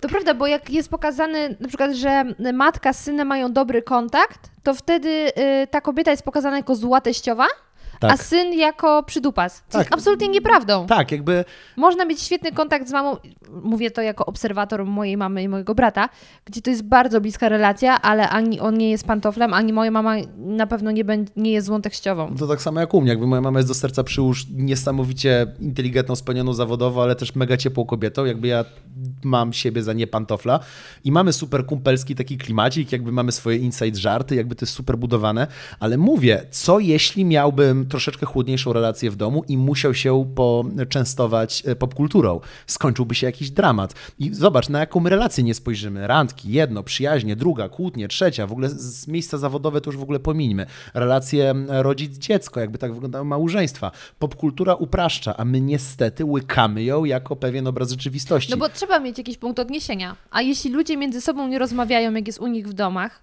no bo raczej większość ludzi nie porusza tych tematów, to patrzy do. Mhm. Tak, do ale jestem rozdrażniony, że patrzymy na uproszczenia amerykańskie. Tak, Sądzę, że bylibyśmy się. o wiele zdrowszym społeczeństwem, oglądali gdybyśmy oglądali... Dokładnie tak. O, ja wiedziałam, jak spuentować. Mamy to. Ale jeszcze w kontekście relacji, myślę, że fajnym wątkiem do poruszenia jest to, jak mi rozrysowałeś, y, jak wygląda zasięg tematów poruszanych przez ludzi w Stanach, a w Polsce. Ta strefa komfortu, można tak to Mhm. nazwać. I jakbyśmy mogli o tym powiedzieć, bo to nie wiem, czy to była twoja robocza również teoria, czy... To jest totalnie moja robocza teoria. Super, opowiadaj. Ja uwielbiam moje robocze teorie, jestem z nimi bardzo zżyty. E, na szczęście nie mam problemu z tym, jak ktoś mi uświadamia, że jestem w błędzie. W sensie ja po prostu je wymyślam i to nie mam, nie sądzę, że są jedyną prawdą objawioną, ale lubię je wymyślać. Sprawia mi to bardzo Poza dużą radość. brzmisz przekonująco, więc później yy, samo spełniające się proroctwo, nie? Mój kumpel mi kiedyś powiedział, że jestem takim człowiekiem, który nawet myli się pewnie siebie i coś jest na rzeczy. W sensie ja rzadko okazuję zwątpienie na zewnątrz. Ja po prostu z du- do- ogromną dozą pewności siebie powiem, nie mam pojęcia, gdzie idę, ale nadal będę szedł, bo mnie to nie obchodzi, gdzieś trafię, jak wydowiem się na miejscu. E, właśnie, a propos tego, czemu nie warto kopiować e, bezmyślnie amerykańskiej kultury. W Ameryce mamy gigantyczny kryzys zaufania i według różnych danych, e, od kilkunastu do kilkudziesięciu procent, ludzi w Ameryce twierdzi, że nie ma żadnego przyjaciela. Czyli jednak twoja teoria jest poparta badaniami. Ja to wszystko, co gadam, jest poparte czymś. Ja po prostu doprowadzam do gigantycznych uproszczeń. Tak, ale to dobrze. nie, wszystko bazuje na czymś. Nie, nie wymyślam zupełnie z głowy. W Ameryce jest gigantyczny problem tego, że ogrom procentowy społeczeństwa, mówimy o 300 milionowym kraju, idzie w zaparte, że nie ma żadnego przyjaciela. Jest bardzo dużo teorii na ten temat. Czemu tak jest? Nie, to byłby w sumie osobny odcinek, dwóch godziny tylko o tym. Jedną z wiodących jest problem z urbanistyką i planowaniem miast. Mianowicie Mhm. nowe plany miejskie, współczesne rozrosty miejskie i to, w jaki sposób wygląda urbanizacja, systemowo psują relacje międzyludzkie. Ale to jest osobny wątek. Mega się nim pasjonuję prywatnie. Do czego zmierzam? Mamy sobie społeczeństwo amerykańskie, które nie ma przyjaciół a my kopiujemy te zachowania. Nie? W sensie to nie może się dobrze skończyć. Ale co to właśnie znaczy być przyjacielem w Ameryce? Bo mieliśmy tę dyskusję lata temu, jak Facebook wchodził do Polski i dlaczego my mamy tylu przyjaciół z nienacka. My nie mamy tylu przyjaciół, a Facebook nadużywa słowa friends. Doszło do ogromnej inflacji Teraz tego już są pojęcia. znajomi. O, dzięki Bogu. Ale friends jakby ma jedno tłumaczenie bezpośrednie. Na czym polega patent? E, Anegdota jest o tym, to co ci rozrysowywałem, to była nasza rozmowa o Smalltalku i dlaczego Smalltalk nie działa w Polsce, a działa w Stanach. My w Polsce mamy pewną strefę tematów, z którymi się czujemy komfortowo z każdym. E, Pytanie jeszcze, na ile lubimy rozmawiać z obcymi ludźmi, bo my też kulturowo nie lubimy gadać z każdym. To w sensie większość Polaków średnio chyba lubi zagadywać do obcej osoby w sklepie. W Stanach to tak, w sensie w Stanach każdy zagaduje do każdego, bez pudła, więc tam nie ma tego elementu, ale powiedzmy, że powiedzmy, że żyjemy w miejscu w Polsce, że ludzie do siebie zagadują. To o czym my będziemy smalltalkować? Pogoda. Pierdoły. To, co się dzieje w biurze, pogoda, mecz, mm, to, że przyjechał Trump do Polski albo i nie, jakieś obchody duże, arbuzy podrożały, jakieś takie basic rzeczy, no nie? które są powiedzmy jakimś takim gruntem społecznym każdego z nas. Swoją drogą, co można mówić o takich rzeczach? Raczej rzeczy negatywne. To jest też, mam taką roboczą teorię, dlaczego my narzekamy, bo jest łatwiej. W Stanach to wygląda inaczej. W Stanach, jak ludzie zaczynają ze sobą gadać, bardzo często natychmiast szukają wspólnej kotwiczki, żeby się o cokolwiek zahaczyć tematycznie. Szukają czegoś w tobie, co sprawi, że oni mogą nagle się otworzyć. I na, nie wiem, miałem taką niesamowitą sytuację, że mm, stoję w kawiarni w Nowym Jorku i pyta się mnie e, baristka, co chce. Ja mówię, że jeszcze nie wiem, bo generalnie chcę kawy, tylko wypiłem już dzisiaj dużo kaw. Na co ona mówi, że może mi poleci smoothie. Na co koleś za mną się uruchamia, czy ja lubię smoothie. Ja powiedziałem, że tak. Zamówiłem mu bariski smoothie, odwracam się do niego, witam się z nim. Oczywiście przedstawił mi się natychmiast z imienia i nazwiska. Spytał się mnie, kim, czy, czy ten, że tak z akcentu wnosi, że jestem nie stąd. No ja mówię, że jestem drugi dzień w Nowym Jorku. Na co on wyjmuje portfel, wyjmuje kupon na smoothie bo powiedział, że właśnie z żoną nie lubią, a otworzyło się nowe miejsce dwie ulice stąd, no to miło mi cię powitać w Nowym Jorku, dał mi ten kuponik, pogadał ze mną chwilę, powiedział, że jego żona generalnie zdrowo żyje, ale też ma problem, bo nie lubił miksowanych owoców, a jemu się nie chce obierać zwykłych. W ogóle owoce są drogie, bo są z Whole Foods, a my w Polsce jak mamy owoce? I mu mówię, że generalnie są strasznie łatwe, dużo dostępne. On tak mówi, żartujecie. I wiesz, z nienacka pół godziny. I to jest totalnie powierzchowna relacja. Nic tam nie zaszło emocjonalnego. Ale zahaczała o ważne aspekty życia. Tak. On się Intymne. o mnie dowiedział, skąd jestem, opowiedziałem o Polsce, opowiedziałem o moich wrażeniach, on mi opowiedział o swojej żonie, opowiedział o problemie sklepów w Stanach Zjednoczonych. Absurdalnie dużo tematów i to jest definicja smalltalku u nich. Oni bardzo nie- nie mają problemu z opowiadaniem tego typu rzeczy. Ja musiałem się tego nauczyć konferencyjnie, bo dosyć dużym elementem mojej pracy zawodowej jest jeżdżenie na różne konferencje, gdzie z reguły jestem speakerem. I ludzie mnie znają, a ja ich nie. W sensie zobaczyli mnie na scenie, ja tam gadam na targach karier, już pomijam nawet blogowe imprezy, ale gadam na jakichś targach karier, opowiadam coś na temat projektowania mm, swojej ścieżki zawodowej. Ja potem schodzę jakby na dół i ludzie chcą ze mną rozmawiać. I bardzo często ci ludzie nie wiedzą, o czym ze mną pogadać, po prostu do mnie podeszli. Ja kumam ten mechanizm. Ja też jak byłem, pot- potrafię do kogoś podejść, kto mnie zaciekawił, jak stać jak taka totalna pierdoła i się nie odezwać. I ja się musiałem dosyć długo ze sobą walczyć jako introwertyk, co ja mam zrobić z tymi ludźmi. Ja sobie po prostu zorientowałem, że im będę mówił ostatnią myśl, jaką mam. Ja schodzę do tych ludzi i oni się czasami mnie pytają, co tam, nie? I ja tak muszę wymyślić odpowiedź na co tam od osoby, której nie znam. I ja odpowiadam tej osobie, że kurczę, mega fajne było nagłośnienie w tej sali. Jestem naprawdę pod wrażeniem tego, że spokojnie mogę mówić, odsłuch mi nie przeszkadza, mam wrażenie, że wam też nie. I ta osoba jest zaangażowana, mamy o czym pogadać, co jest szczere. Nie jest to głębokie, ale daje nam wspólne kotwiczki. I ta osoba się wtedy rozkręca i zaczyna mi mówić, co usłyszała, skoro już gadamy o słuchaniu, co jej pomogło, bla, bla, bla. Fajna rozmowa, nie jakoś super zyskana, ale przede wszystkim nie zmarnowane parę minut. Do czego zmierzam? E, My mamy w Polsce duży problem ze smalltalkiem, ale my w Polsce nie mamy problemu z przyjaźnią. To jest coś za coś. To nie jest tak, że Ameryka jest obiektywnie lepszym krajem. My mamy duży problem ze smalltalkiem, bo się bardzo boimy otwierać na takie tematy luźne, Brak w ogóle społecznego zaufania, żeby z kimś porozmawiać. tak, ale my mamy dużą łatwość z przyjaźnią. W porównaniu z tym, jak to wygląda na świecie, polskie przyjaźnie są naprawdę niesamowite. W sensie relatywnie wcześnie w przyjaźni można zacząć opowiadać sobie o mega hardkorowych rzeczach, o problemach rodzinnych, o problemach emocjonalnych. jest możliwe powiedzenie sobie, czego się boimy. Jakby przyjaźnie w Polsce potrafią być na polskim gruncie, na polskiej kulturze szalenie głębokie. Bardzo fajne. I w Polsce też jest taki trochę dryk, na, szczerze mówiąc, nie mam danych, czy to umiera, czy się zwiększa, ale w Polsce też jest takie domniemanie, że pewną podstawową komórką przyjaźni jest małżeństwo. Że mąż i żona raczej sobie mówią emocjonalnie o rzeczach. Wydaje mi się, że z tym różnie bywa i wydaje mi się, że jest gorzej niż kiedyś, Mhm. a z drugiej strony wydaje mi się, że kiedyś było jeszcze gorzej, bo dużo e, małżeństw powstawało tak trochę, wiesz, bo rodzina cię piłuje, nie? A z drugiej strony Więc- też dodatkowo jeszcze bardziej mężczyźni mogli pokazywać Trochę uczuć. tak, więc nie umiem powiedzieć, kiedy Mhm. było lepiej, kiedy było gorzej, ale na pewno jest lepiej niż w Stanach. Do tego zmierzam, że nawet jeśli w Polsce jest do dup, było do dupa, jest jeszcze gorzej. Sądzę, że i tak jesteśmy parę kresek na tym, jak to wygląda w Stanach Zjednoczonych, gdzie bardzo jest ogromny problem e, przyjaźni w małżeństwach, są drogą też propagowany przez popkulturę, bo wiadomo, że muszą być konflikty, więc wiadomo, że mąż z żoną nie mogą sobie mówić rzeczy, bo to jest podstawowy konflikt w domu. Ekstra, No. nie? Ale do czego zmierzam? Amerykanie mają gigantyczny problem, by komukolwiek powiedzieć, że jest not okay. Mają ogromny problem, żeby to powiedzieć. I oni się uczą mówić. Teraz jest taki gigantyczny tref, trend wylewania emocji, który też trochę brudzi, w mojej opinii, polską kulturę, bo Amerykanie aż tak przesadnie mają potrzebę opowiadania wszędzie o tym, co się działo na terapii, w jaki sposób się piszą na blogach, o czym się kłócili z narzeczonym. Takie, ja mam takie trochę, aż, aż mi się otwiera, takie zamknij się. Szat, jakby ceń tą emocję, ceń to, że masz zamkniętą relację z terapeutą. Bo jak ty opowiadasz publicznie o tym, co ty robisz na terapii, na kolejnej terapii nie będziesz w pełni szczery, bo będziesz chciał tak wypaść, by to fajnie wypadło na blogu. Nie rób tego. Chodź na terapię, promuj terapię, aż ci tchu zabraknie. Mów wszystkim, jaka jest dobra. Ale nie psuj tej intymności, którą budujesz z tym profesjonalistą, no nie? I, i, i, i powielamy ten błąd, choć go nie powinniśmy powielać, a w Ameryce jest to jakaś, jakaś forma poradzenia sobie z faktem, że tam się o niczym nie gada. I oni mają teraz te takie powstające dyskursy społeczne, które mało robią, bo oni nadal nie mają przyjaciół. W Ameryce tak ciężko, pomimo istnienia serialu Friends i pomimo istnienia facebookowych Friends, a większość Amerykanów będzie deklarowała, że ma przyjaciół mało, albo zero, albo niewielu, albo że im trochę nie ufa. I to jest przykład problem, którego my trochę nie mamy. W Polsce bardzo wielu ludzi, nawet jak nie ma głębokich przyjaciół, to ma ludzi, z którymi publicznie narzeka na jakieś dramaty. W sensie damy sobie jakoś radę. Więc to jest w ogóle ciekawa wymiana społeczna. Jeśli ktoś lubi, ma na przykład głębokie relacje, ale mega mu brakuje powierzchownych, niech jedzie na wakacje do Stanów. Zakocha się po prostu. Tam budowanie powierzchownych relacji jest takie. Byłem na premierze jednej książki w Bibliotece Narodowej w Nowym Jorku i wyszedłem stamtąd, to nie to, że z pięcioma wizytówkami, tylko z 11 znajomymi na fejsie, bo z każdym miałem mega ciekawą rozmowę na konkretny temat i wiemy, co lubimy. To jest nie do spotkania. Utrzymujecie?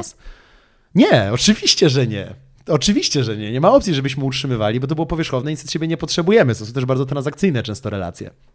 Ale z drugiej strony, jeśli ktoś ma ogromny problem z tym, że o, u nas tak się nie da pogadać i w ogóle Polacy są tacy naburmuszeni, jak ja mam wybrać jedną z tych wad, bo nie ma idealnych rozwiązań, chrzani mi small talk. O Jezus, jak mi cieszę, że ja mam kumpla, do którego potrafię zadzwonić i on ze mną 10 minut pogada, potem mnie zwyzywa, wyślemy sobie dwa memy, po czym znowu ze mną pogada, bo wie, że tak naprawdę jest gruby temat, tylko chciał mnie trochę rozru... Wiesz, i wiem, że mogę na niego liczyć, że on mnie rozumie, że będzie się zachowywał pode mnie. Nie do pomyślenia. To jest przecinek, a nie kropka, bo jest jeszcze jeden wątek związany ze Stanami Zjednoczonymi tutaj. Mianowicie w Ameryce jest ogromny kult teraz e, zwracania uwagi na siebie. I to jest w mojej opinii rzecz, która najbardziej rujnuje relacje Czekaj, międzyludzkie. czekaj, czekaj, czekaj. W Stanach teraz jest kult zwracania uwagi na siebie. Mam wrażenie, że Stany są Nie no, przypełnione zwracaniem ten uwagi na jest siebie. jednym wielkim zwróceniem uwagi na jednostkę, ale jest takie ogromne, ogromne od bardzo, bardzo wielu lat w trend em, dbania o siebie. Mhm. W sensie self, jest self-help, no nie? Self-help, totalnie. Oni, u, u nich wszystko się obiera jednostkowo. I to znowu jest zabrudzenie kultur innych, bo to jest amerykańskie. Jakby self-help jest amerykańskim tokiem myślenia. My, my jakby moglibyśmy być społeczeństwem bardziej kolektywistycznym niż Ameryka. Nie ma nic dobrego w aż takim stawianiu wszystkiego na jednostkę. I, ale wracając do relacji międzyludzkich, bo stricte chcę o tym mówić, żeby nie odbiec 40 dygresją w dygresję. W relacjach międzyludzkich ja to e, widzę w internecie. Bardzo dużo czasu na Reddicie spędzam. I na Reddicie jest bardzo dużo subredditów poświęconych problemom międzyludzkim, relacjom. Ja mega lubię je czytać, bo mnie to strasznie inspiruje i ciekawi, z czym ludzie się zmagają. W Stanach podstawową poradą, jak ktokolwiek się nie dogaduje w jakimkolwiek związku, to jest olej jakby potrzeby tej drugiej osoby i dbaj tylko o siebie, zwróć uwagę na siebie. Związek nie polega na tym, że dwójka ludzi zwraca uwagę tylko na siebie. W sensie, to się nazywa dwójka obcych ludzi. To, to jest Związek Radziecki. Jezus. Najgorzej. Jedną z najlepszych porad, jaką można zrobić w związku, jest na przykład to, żeby nauczyć się czerpać radość z tego, że coś robimy pod drugą osobę, ale to jest porada, której nigdy nie przeczytasz w języku angielskim. Nie ma za Chiny po prostu ludowe szansy, żeby przeczytać w anglojęzycznym, popularnym miejscu, że najlepszą rzeczą, jaką można zrobić relacyjnie, zacząć czerpać radość z zrobienia czegoś pod drugą osobę, no bo to jest zaburzenie twojego freedom. Nie, nie wolno zaburzyć twojego freedom. A my na przykład w Polsce moglibyśmy tak zacząć budować naszą narrację. A niestety zaczynamy kopiować tamtą, bo mamy premiery w Empikach, książek self-helpowych, które są tłumaczone z języka angielskiego, nie są Dostosowane do dostosowane. naszej kultury. Tak, jakby ciekawostka dla widzów, y, jak są testy psycholo- psychologiczne robione przez amerykańskich psychologów, żeby one mogły działać y, w Polsce, musi być robiona y, translacja nie tylko językowa, ale też kulturowa. Są zmieniane sensy pytań, tak żeby je zrozumiał bardziej człowiek żyjący tutaj, bardziej się mógł do nich odnieść jako Polak. A po, literatura popularno-naukowa w ogóle tego nie robi. Jest po prostu tłumaczone jeden do jednego, mamy anegdoty typowo amerykańskie, no i się uczymy tak na siebie jeżyć. Czeka nas, nawet się nie zaczął jeszcze, gigantyczny kryzys samotności i odbijania się od siebie międzyludzkiego. To dopiero trzeba będzie naprawić. Jest rozwiązanie. Jakie? Moi drodzy! Nie, ja tak zupełnie szczerze, naprawdę biorąc to wszystko Suzamen. Suzamen do kupy, ale Suzamen do kupy, o nie, nie, tych germańskich rzeczy nie będziemy brać. Sumując to wszystko, uważam, Tak. że warto y, podjąć wysiłek, próby ogarnięcia życia, póki jest na to dobra pora. Si. Ym, I w ogóle Właśnie pod takim kątem emocjonalnym, nie bez zwracania uwagi, czy ktoś ma mieć związek, czy nie, czy pracę, czy nie, tylko po prostu, żeby żyć trochę lepiej w zgodzie ze swoją psychiką i z innymi. Dokładnie. Te nasze dodatkowe dygresje, które wydaje mi się były bardzo spójne z całym tematem, ale myślę, że w fajny sposób pokazały po pierwsze, jakie masz podejście do świata, jaki masz em, światopogląd i jak o tym opowiadasz. Bo to, że ja ci pozwoliłam prowadzić te monologi, to nie jest dlatego, że stwierdziłam, dobra, jest moim gościem, nie wypada przerwać, tylko ja ciebie lubię słuchać, więc totalnie e, dobrze się ciebie słucha i tak właśnie słucha się tego kursu.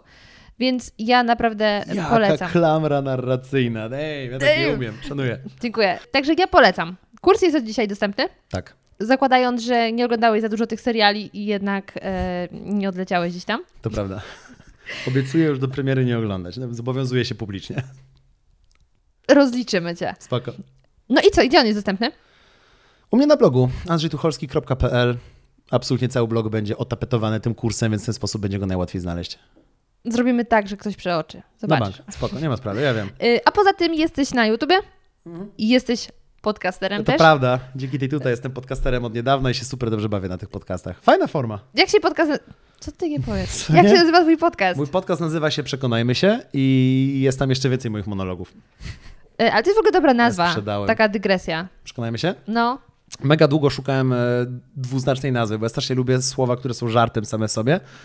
A no zresztą przy tobie to rozkminiałem wszystko i jak, jak zakładaliśmy ten podcast i uznałem, że przekonajmy się jest fajne, bo jest w mojej głowie opowiada tą historyjkę, że z jednej strony ja przekonuję was, w sensie do czegoś, a z drugiej strony jest to taka zabawa let's try, w sensie przekonajmy się, w sensie sprawdźmy coś, bo e, nie wiem, czy to wyszło w sumie w tej rozmowie, ja chyba zawsze to robię, ale format podcastu jest taki, że ja biorę jakiś problem, po czym go obracam z każdej możliwej strony, bo ja strasznie nie lubię brać najprostszych rozwiązań, bardzo lubię brać takie, które najbardziej będzie mi pasowało.